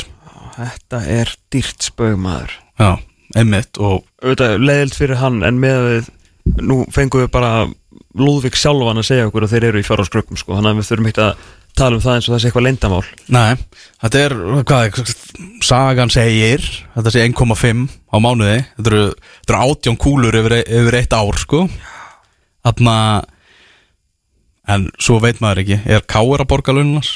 Eða er það ykkur utan að komandi? Maður veit það ekki, en þetta er, að, þetta er dýrt spög og þarna, Svo alltaf spurning hvort að menn séu treyðir fyrir svona einhverju og hvort að hann fái nú bara peninga frá Já. tryggingastofnunu og eitthvað þannig að káir kannski sé nú það klárir að það sé nú eitthvað þannig í gangi sko. Það lítur að vera, þegar þú ert að fjárfesta í svona leikmanni. Já. Ég held að það sé, það sé klárt mál En við bara sendum náttúrulega bara Halli Hansinni bara bata kveður og snýr hann sem fyrst áttur á fótbolltafellin Algjörlega. Uh, Önnur leigubílasaga sem við fengum með þættinu bara bref Yes. Mest leiðilegt að segja slúðursögur á fjárhagstöðu félag En það er einhverjir, einhverjir sögur um, um fjárhagstöðuleika hjá Keflavík og það sé ekki allir að fá greitt hver mánaða mót. Nei. Af öll félög færi í gegnum þetta Já, nákvæmlega. Uh, Annað frá Suðurnesjum ekkert slúður, Bjarni Jó er farinn Hættur með Njarvi kom liðinu upp frábær árangur hjá þessum Hætti hann sjálfur magnaða þjálfara og uh, Gummi á .net, hann var að reyna að ná í Bjarni í Já. það gekk ekki. Sagði ekki Kristján Óli á Twitter í gera þegar ætla að lækka launans Já, hann hefði fengið eitthvað bóðum já, nýjan samning en á, á læri launum. Já. En uh, það er allavega nokkuð ljóst að þú veist maður heyra að, að þetta sé allt í góðu og, og hann er í háskóla námi, Bjarni Já, ok. Já, uh, spurning en, en eins og segir í sko, til, tilkynningunni uh, knafspjöndeldin Óskar hann góðs gengis í komandi verkefnum. Bjarni Jó er ekkert hættur að þjálfa sko. Nei. Nei, hann, hann dúkar upp. Heima þessari sumarið það? Þekki það ekkert? Nei, nei, hann er, hann er að fara að halda áfram en að Nei, strákar sko. Líka. Já, já, en það er frábært sumar í honum. Það er að koma njarðvíkingum hérna upp um deild og, og náttúrulega með honum í þessu teimi var Hólmar Rúnarsson Er hann að bara taka við þessu? Bói. Ef ég, ef ég ætti að veðja þá myndi ég veðja að hann myndi taka við þessu. Ég veit að mikil ánægja með hann og, og njarðvíkingar vilja haldunum Já. Spurning bara í hvaða svona, formið það verður, hvort það komi annar með honum. Já, hvort þið viljið fá okkur, okkur meir reynslu þar sem þeir nú fara upp í, upp í lengjuna. Já, það, það getur verið Ég, það, það getur alveg verið. Ég meina þeir eru að fara í náttúrulega bara allt annað allt annað verkefni með því að fara úr annar deildinni í, í lengjudeldina Já, ekki, ekki spurning sko. Þeir, þurfa að finna þjálfara sem að bara stabiliserar Njarðvík sem fyrstu deildarfélag. Já. áður en þeir geta að fara að hugsa láta sér dreyma eitthvað lengra sko. En þeir eru náttúrulega með uh, sko, Director of Football of the Year. Einmitt. Þannig að held að Rappi mun alltaf finna þjálfara fyrir þá sko. Já, já. Að setja saman hérna Ég hef engar áhyggjur af því. Ég hef engar áhyggjur af því að, að þú veist, Njarðvíkingar eru alltaf að fara að finna góðan kost. Já, best að falli tekur Rappi þetta bara sjálfur. Já, Tekur nákvæmlega. bara Rúna Kristinsson á það. Já, og ekki, og ekki er það snemt sko. Nei. er um, önnulegu bílasaga saga sem að ég svona fór eitthvað að líkt af uh, saga um að, að Davís Mári myndi hugsanlega hætta með kórdrengi. Já. Maðurinn sem er bara kórdrengi sko. Bara hann að Ég held að ef um leið og ef Davís Mári fer frá Kortringjum sem er líka kannski svona vandræði félagsins að þeir eru verið komin í þriðju deild á svona fimm ár. Já, bara, það var bara kórdrengir búnir held ég sko. Mm. en þegar, en já, ég er svona að þessu þetta, það er einhverja svona það er einhverja viðræður í gangi það er eitthvað, þú veist, þetta er ekki alveg 100% að verða áfram sko. En ég held að endi þannig að vera líklegt það kemur mann ekkert óvart ef við myndum sjá Ásker Börk og Albert Brynjar mæta í, í kórdrengina næst tíðanfél Nei, það er alveg já, Ásker Börkur hættur í, í fylki. Mm. Get ekki Davís Mári tekið Njárvík það er líka, það er líka spurningin. Ég meina að það er búin að gera frá stórkostlega hluti. Það verður bara að segjast eins og er bara búin að koma bara mörgum á óvart. Heldur betur. Heldur og meiri segja þeir að í ár fór virkilega að slá í blessaðan Harbakkan mm og þeir eru bara komnir í skítamál. En sjáu hvernig hann reddar þessi restina? Já, og þeir fara bara nokkuð sáttir út úr sömrunu að endi fymta sæti. Þeir endi fymta sæti. Já, það er endið fymta sæti lengjudildarinnar Endið þetta á þremur sigurleikjum í, í röð sko. þetta er bara enn einn fyrun í, í, hérna, í hattin hjá, hjá Davíð. Sko þeir vinna gróttu á útivelli 3-1 Einmitt. Svo vinna þeir þar á eftir þá taka þeir bara hérna 4-0 sigur á móti afturreldningu mm. og enda síðan á, þú veist vissulega unnu öllið uh, þróttvóum 3-0 bara samfærandi Mhm. bara alvöru, alvöru endir á bara þannig. ég misla þetta að, ég, þarna, þetta er þetta er, er leigubílasaga sem sem er að ganga uh, Gróta endar í þriðasetti í, í þessari deild og um, sagan segir að, það, að þeir séu að fara að missa bara burðastálpa liðsins og þetta fer kjartan kári. Mhm. og Luke Ray er vist líka fyrir. Stjarnar reyndi við báða í sumarklukkan Jaha, reyndi bæði við, við Luke Ray og kjartan kára og hvað buður bara ekki nógu eða? Já, það var bara grótt af að greinilega ekki á þeim tíma punkti. Tilbúinir að, að, losa þá. Nei, en það vantilega hlutabriðin ennþá verðmættir núna. Já, Eru þið samlýslusið það? Næ, það er allavega kjarnakári er, er með samling áfram. Já, það er nú einhverja kúlur í kassan þá fyrir grótuna. Já, grótt af að fá einhverjar, einhverjar kúlur og svo er náttúrulega einhver svona já, sögur um það að Chris Brassell vilji koma sér í, í annað gig. Já, Já, hann vilji nú erum maður eitthvað fljóttur að missa móðinn Já, það er bara svona hann, hann hafi metnaðin í því að, að taka sér einhvern veginn svona starra verkefni. Svo ég mm, talaði eins og myndi í engastinu að ég meina gróttumenn eru bara sáttir held ég í, í bara sem stöðugt fyrstu deltalið Það er bara þeirra vettvangur, þeir eiga ekki að fara ofar en eðar nákvæmlega og, og það sem er náttúrulega að skemma fyrir Chris Bassarell, þjálfara liðsins það er náttúrulega þessi þetta dæmi kórnum með Leiriks svo fæði hann raukt spjald í lokaumferðinni. Já, eru yfir í leiknum og lætur reka svo út af og er að fara að byrja næsta tímabil í banni hann hlýtur að hafa stíð þú veist, á kalli morgunni eitthvað, þetta meikar ekkert sens. Hver lætur rekas út af í loka er ekki, þú veist, loka hófið um kvöldið og voru ekki að vinna leikin líka? Já, það voru að vinna leikin já, þetta er alveg voru 2-1 yfir, unnur sér endur og 3-1 og en hann er heppinn. Eli Eiríksson bara gaf honum ekki rautspjald þegar hann fer í þetta bann mm. eftir leikin og eitthvað þannig. Þannig að hann fær aldrei skráð, hann fær bannið en fær aldrei skráð á þessu rautspjald þannig að þetta var bara, þetta spjald í lokaumfyrinni hefði átt að koma honum í tveggja leikja bann ah.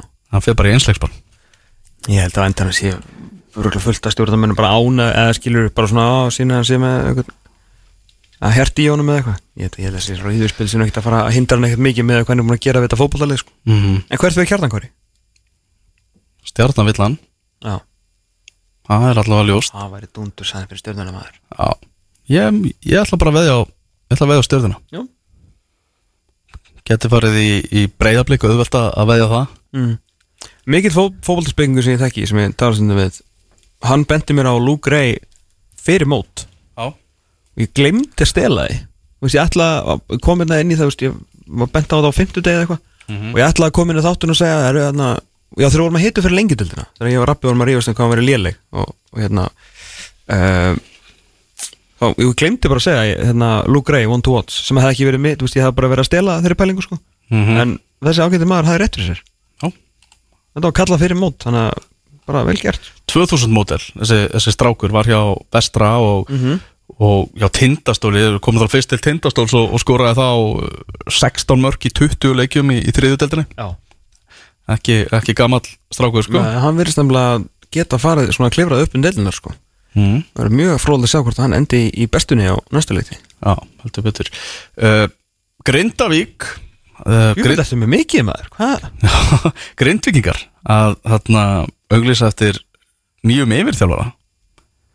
Og ég veit ekki betur en að Alfred Elias hafi bara verið í þessu starfi með frá því að vera þjálfari mestrarflokksins Já, ekki búið að staðfesta það að vera eitthvað fundur held ég setna í vikunni. Um, stjórnafundur hjá Grindavík er einhverju menn að fara út og aðra að koma inn og, og þar verður vist ákveðið með framtíð Alfreds en það verðist vera bara að hann sé búin að missa fulla starfið. Ef hann að- þeir ætla að halda áfram að veist, vera með hann sem mestrarflokksþjálfara þá þarf hann örugglega bara að finna dagvinnur sko. þetta lítur nú að segja var ekki slúrið komið á þann veginn að hann væri að fara að missa þetta gigga Já, Já, það sé að bara að vera þjálfara skipti þar sko. Enn og aftur. Enn og aftur. Þetta var ekki rétt ráning sem miður. Sagði það fyrir mót.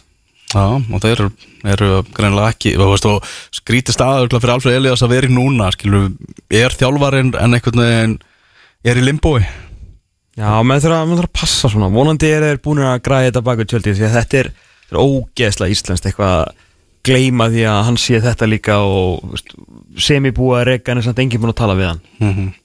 Myndust fyrra á, á, í þættinum á Eju Púrisevits sagði hann segir að hann sé klári að fara í, í þjálfun aftur á meistarflokki að að það sé hans vilji að fara aftur bara að taka viljiði Fyrsta síndalgrundringa, takk Já, maður sem gerði náttúrulega kraftaverk á, í Ólásvík og það er alltaf þegar maður hugsaður út í þetta bara maður kemur til Ólásvíkur að þetta lið hafi sko farið upp um deild oftar en einu sinni haldið sér Það meikar ekkert sens. Það meikar ekkert sens sko. Þetta meikar engan Það er ekki heitt vatn í Ólafsvík sko. Nei, það Ég, ég, ég, ég skilir þetta ekki.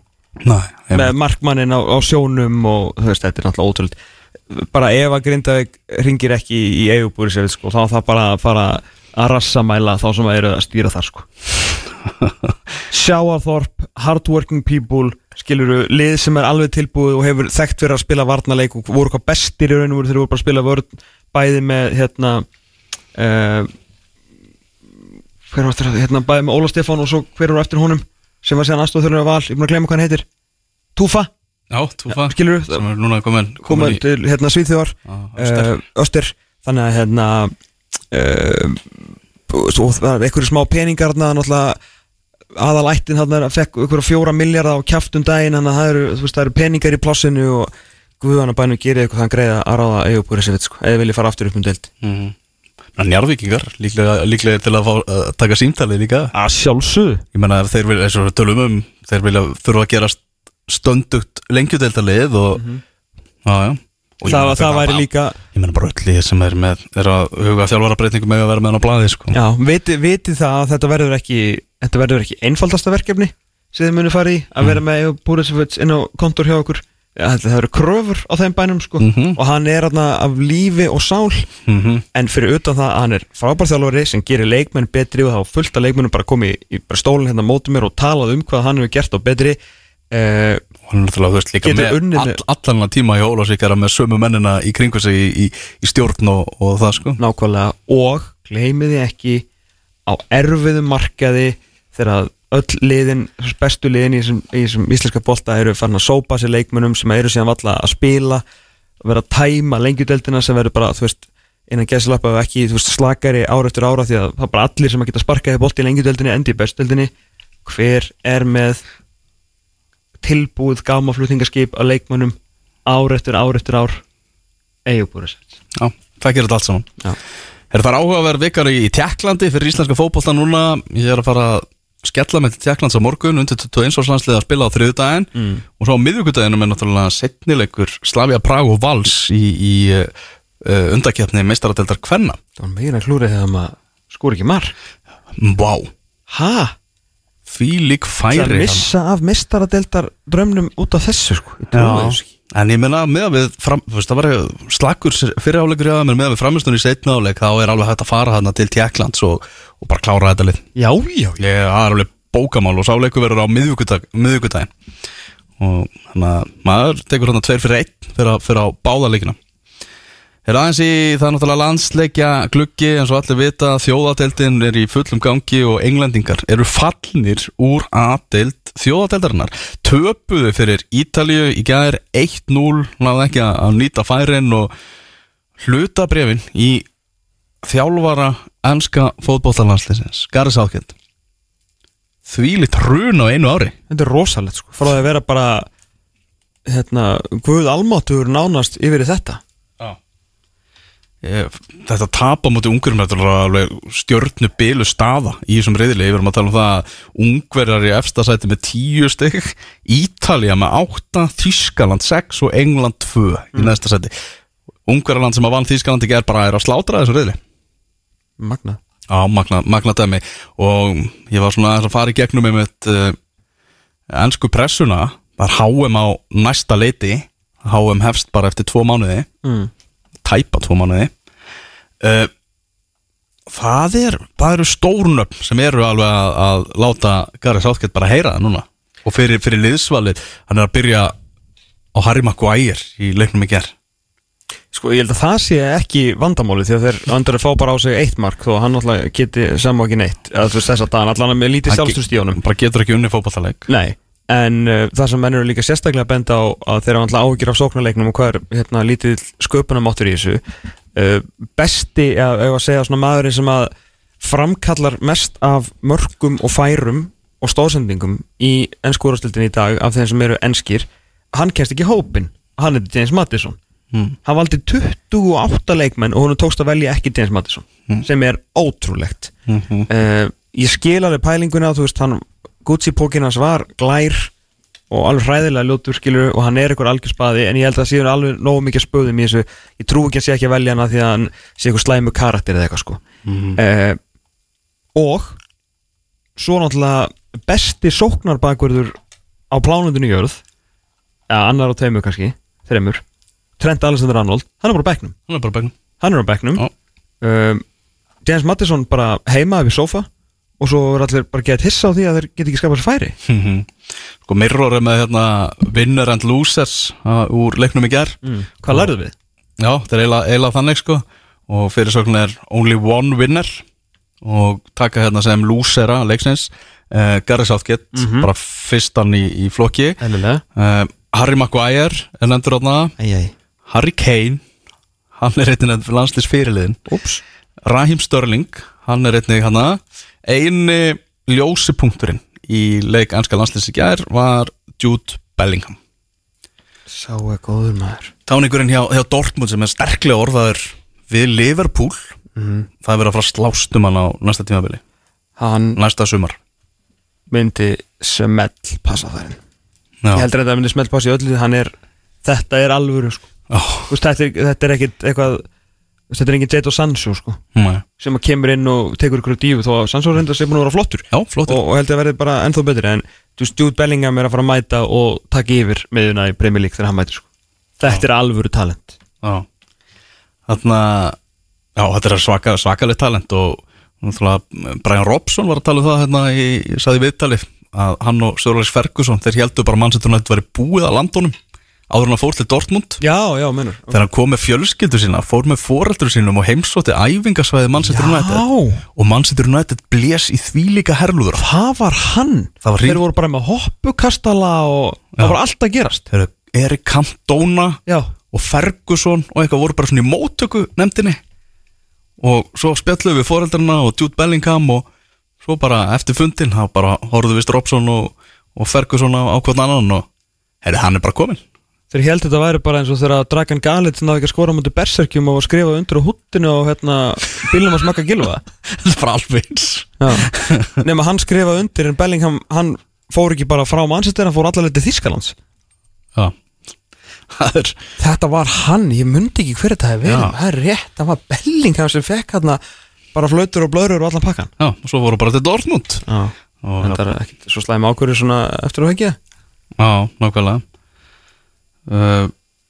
Kristján Ólega setja þetta á Twitter núna. Leikmenn frétta starfslokum Arnars á Twitter og heimasíði félagsins.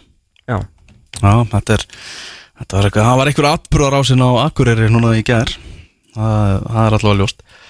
Uh, Annað í, í náttúrulega þjóðateldinni er frakkar unnu 2-0 sigur á móti Austuríki og það var bara nöðsilugu sigur fyrir frakkar sem voru í neðsta sæti reyðinsins fyrir þennan leik. fallið með tapæki og þeir, einmitt, og þeir sendu Austuríki núna í, í neðsta sætið Austuríki með fjögustig og Frakland 5 mm. og flottur sigur hjá þeim frábært mark sem að Kylian Mbappe skoraði í þeim leik. Uh, Stóra spurningin í þessu er Mm. ef við getum komist upp í aðeild á þriðutaskvöldið, mm, viljum við það? já. Þetta eigur náttúrulega líkunar á því að komast á Nei, ég meina því að England er í B sko Já, að mæta þá fá englendinga. Það væri þetta bara ógæslega að finna að vera í aðdelt með englendinga í bjötild Já, sko. þetta er sjálfsög viljum fara í Já, Við viljum, viljum alltaf spila við England. Já, nokkulega uh, Já, svo eru leikir í kvöld að Tjekkland Portugal og, og Spát Sviss í, í þjóðatendinni í kvöld. Það er leikur í gangi núna Stóra leikur Armeníu og Úkrænu Það sem að Úkræna er, er eitt nú lifir. Vá. Vá. Eru ennski boltinn að fara aftur að staðnáttúrulega um næstu helgi? Já, Þetta búið að vera skrítnar vikur í ennska boltanum já, en nú fer þetta aftur á stað og það verið spilað, eh, ég held að verið spilað 4000 leikir í oktober Já Þannig að það eru 5 helgar í oktober mm -hmm. uh, Og svo held ég ein mittvík líka hérna, ég held sér 6 umferð í oktober Og þeir eru náttúrulega allt snýst þetta um að ná 16 umferðum fyrir hérna, 13. november uh, þegar þetta fer, að 15. november þegar hérna, þetta í háumfríðið Mm -hmm. en spurning hvort það verði þá bara 15 eftir að hérna, drottningarumferðin fór ekki fram Mhm. það verður allavega ja, menn fór nóg fyrir ásköldagjaldið í oktober ég get lofa eitthvað því. Það er svolítið og við förum á stað næstu helgi með Arsenal, Tottenham og City United. Vá, lögðu á sundag vá, já, já, já, það er alveg hvorki meirinni minna. Mm. Herru, þegar við verum hérna aftur eftir viku þá verður volandi bara Valur komið í meistaradeild Kvenna, reyðlakjarnina U21 komið á EM og Ísland upp í A-deild þjóðadeildarinnar. Wow. Volandi, vonandi. Þetta er búið í dag eða? þetta er búið í dag. Já, ég þarf að fara heim og taka til uh, ekki það sem ég ætlaði að gera mér að gera í dag en, en svona getur lífið komið svona getur lífið komið aftan að manni maður Herru, við fórum yfir allt svið í dag. Arna Gretarsson, bestu deildina bestu leikmennina í bestu deildinni. Þá bestu í þá bestu þá bestu í þeirri bestu uh, Herru mig, uh, Örvar Jens Arnarsen í Östuríki yfir A-landsliðið undir 21 landsliðið og tókum svo núna rétt í þessu vægan, um, vænan sveig út fyrir landsteinuna í þjóðadeildina og örlita Premier League. Við þakkum kærlega fyrir okkur í dag. Við verðum inn aftur til 6 daga og 22 tíma. Þáka til, verið sæl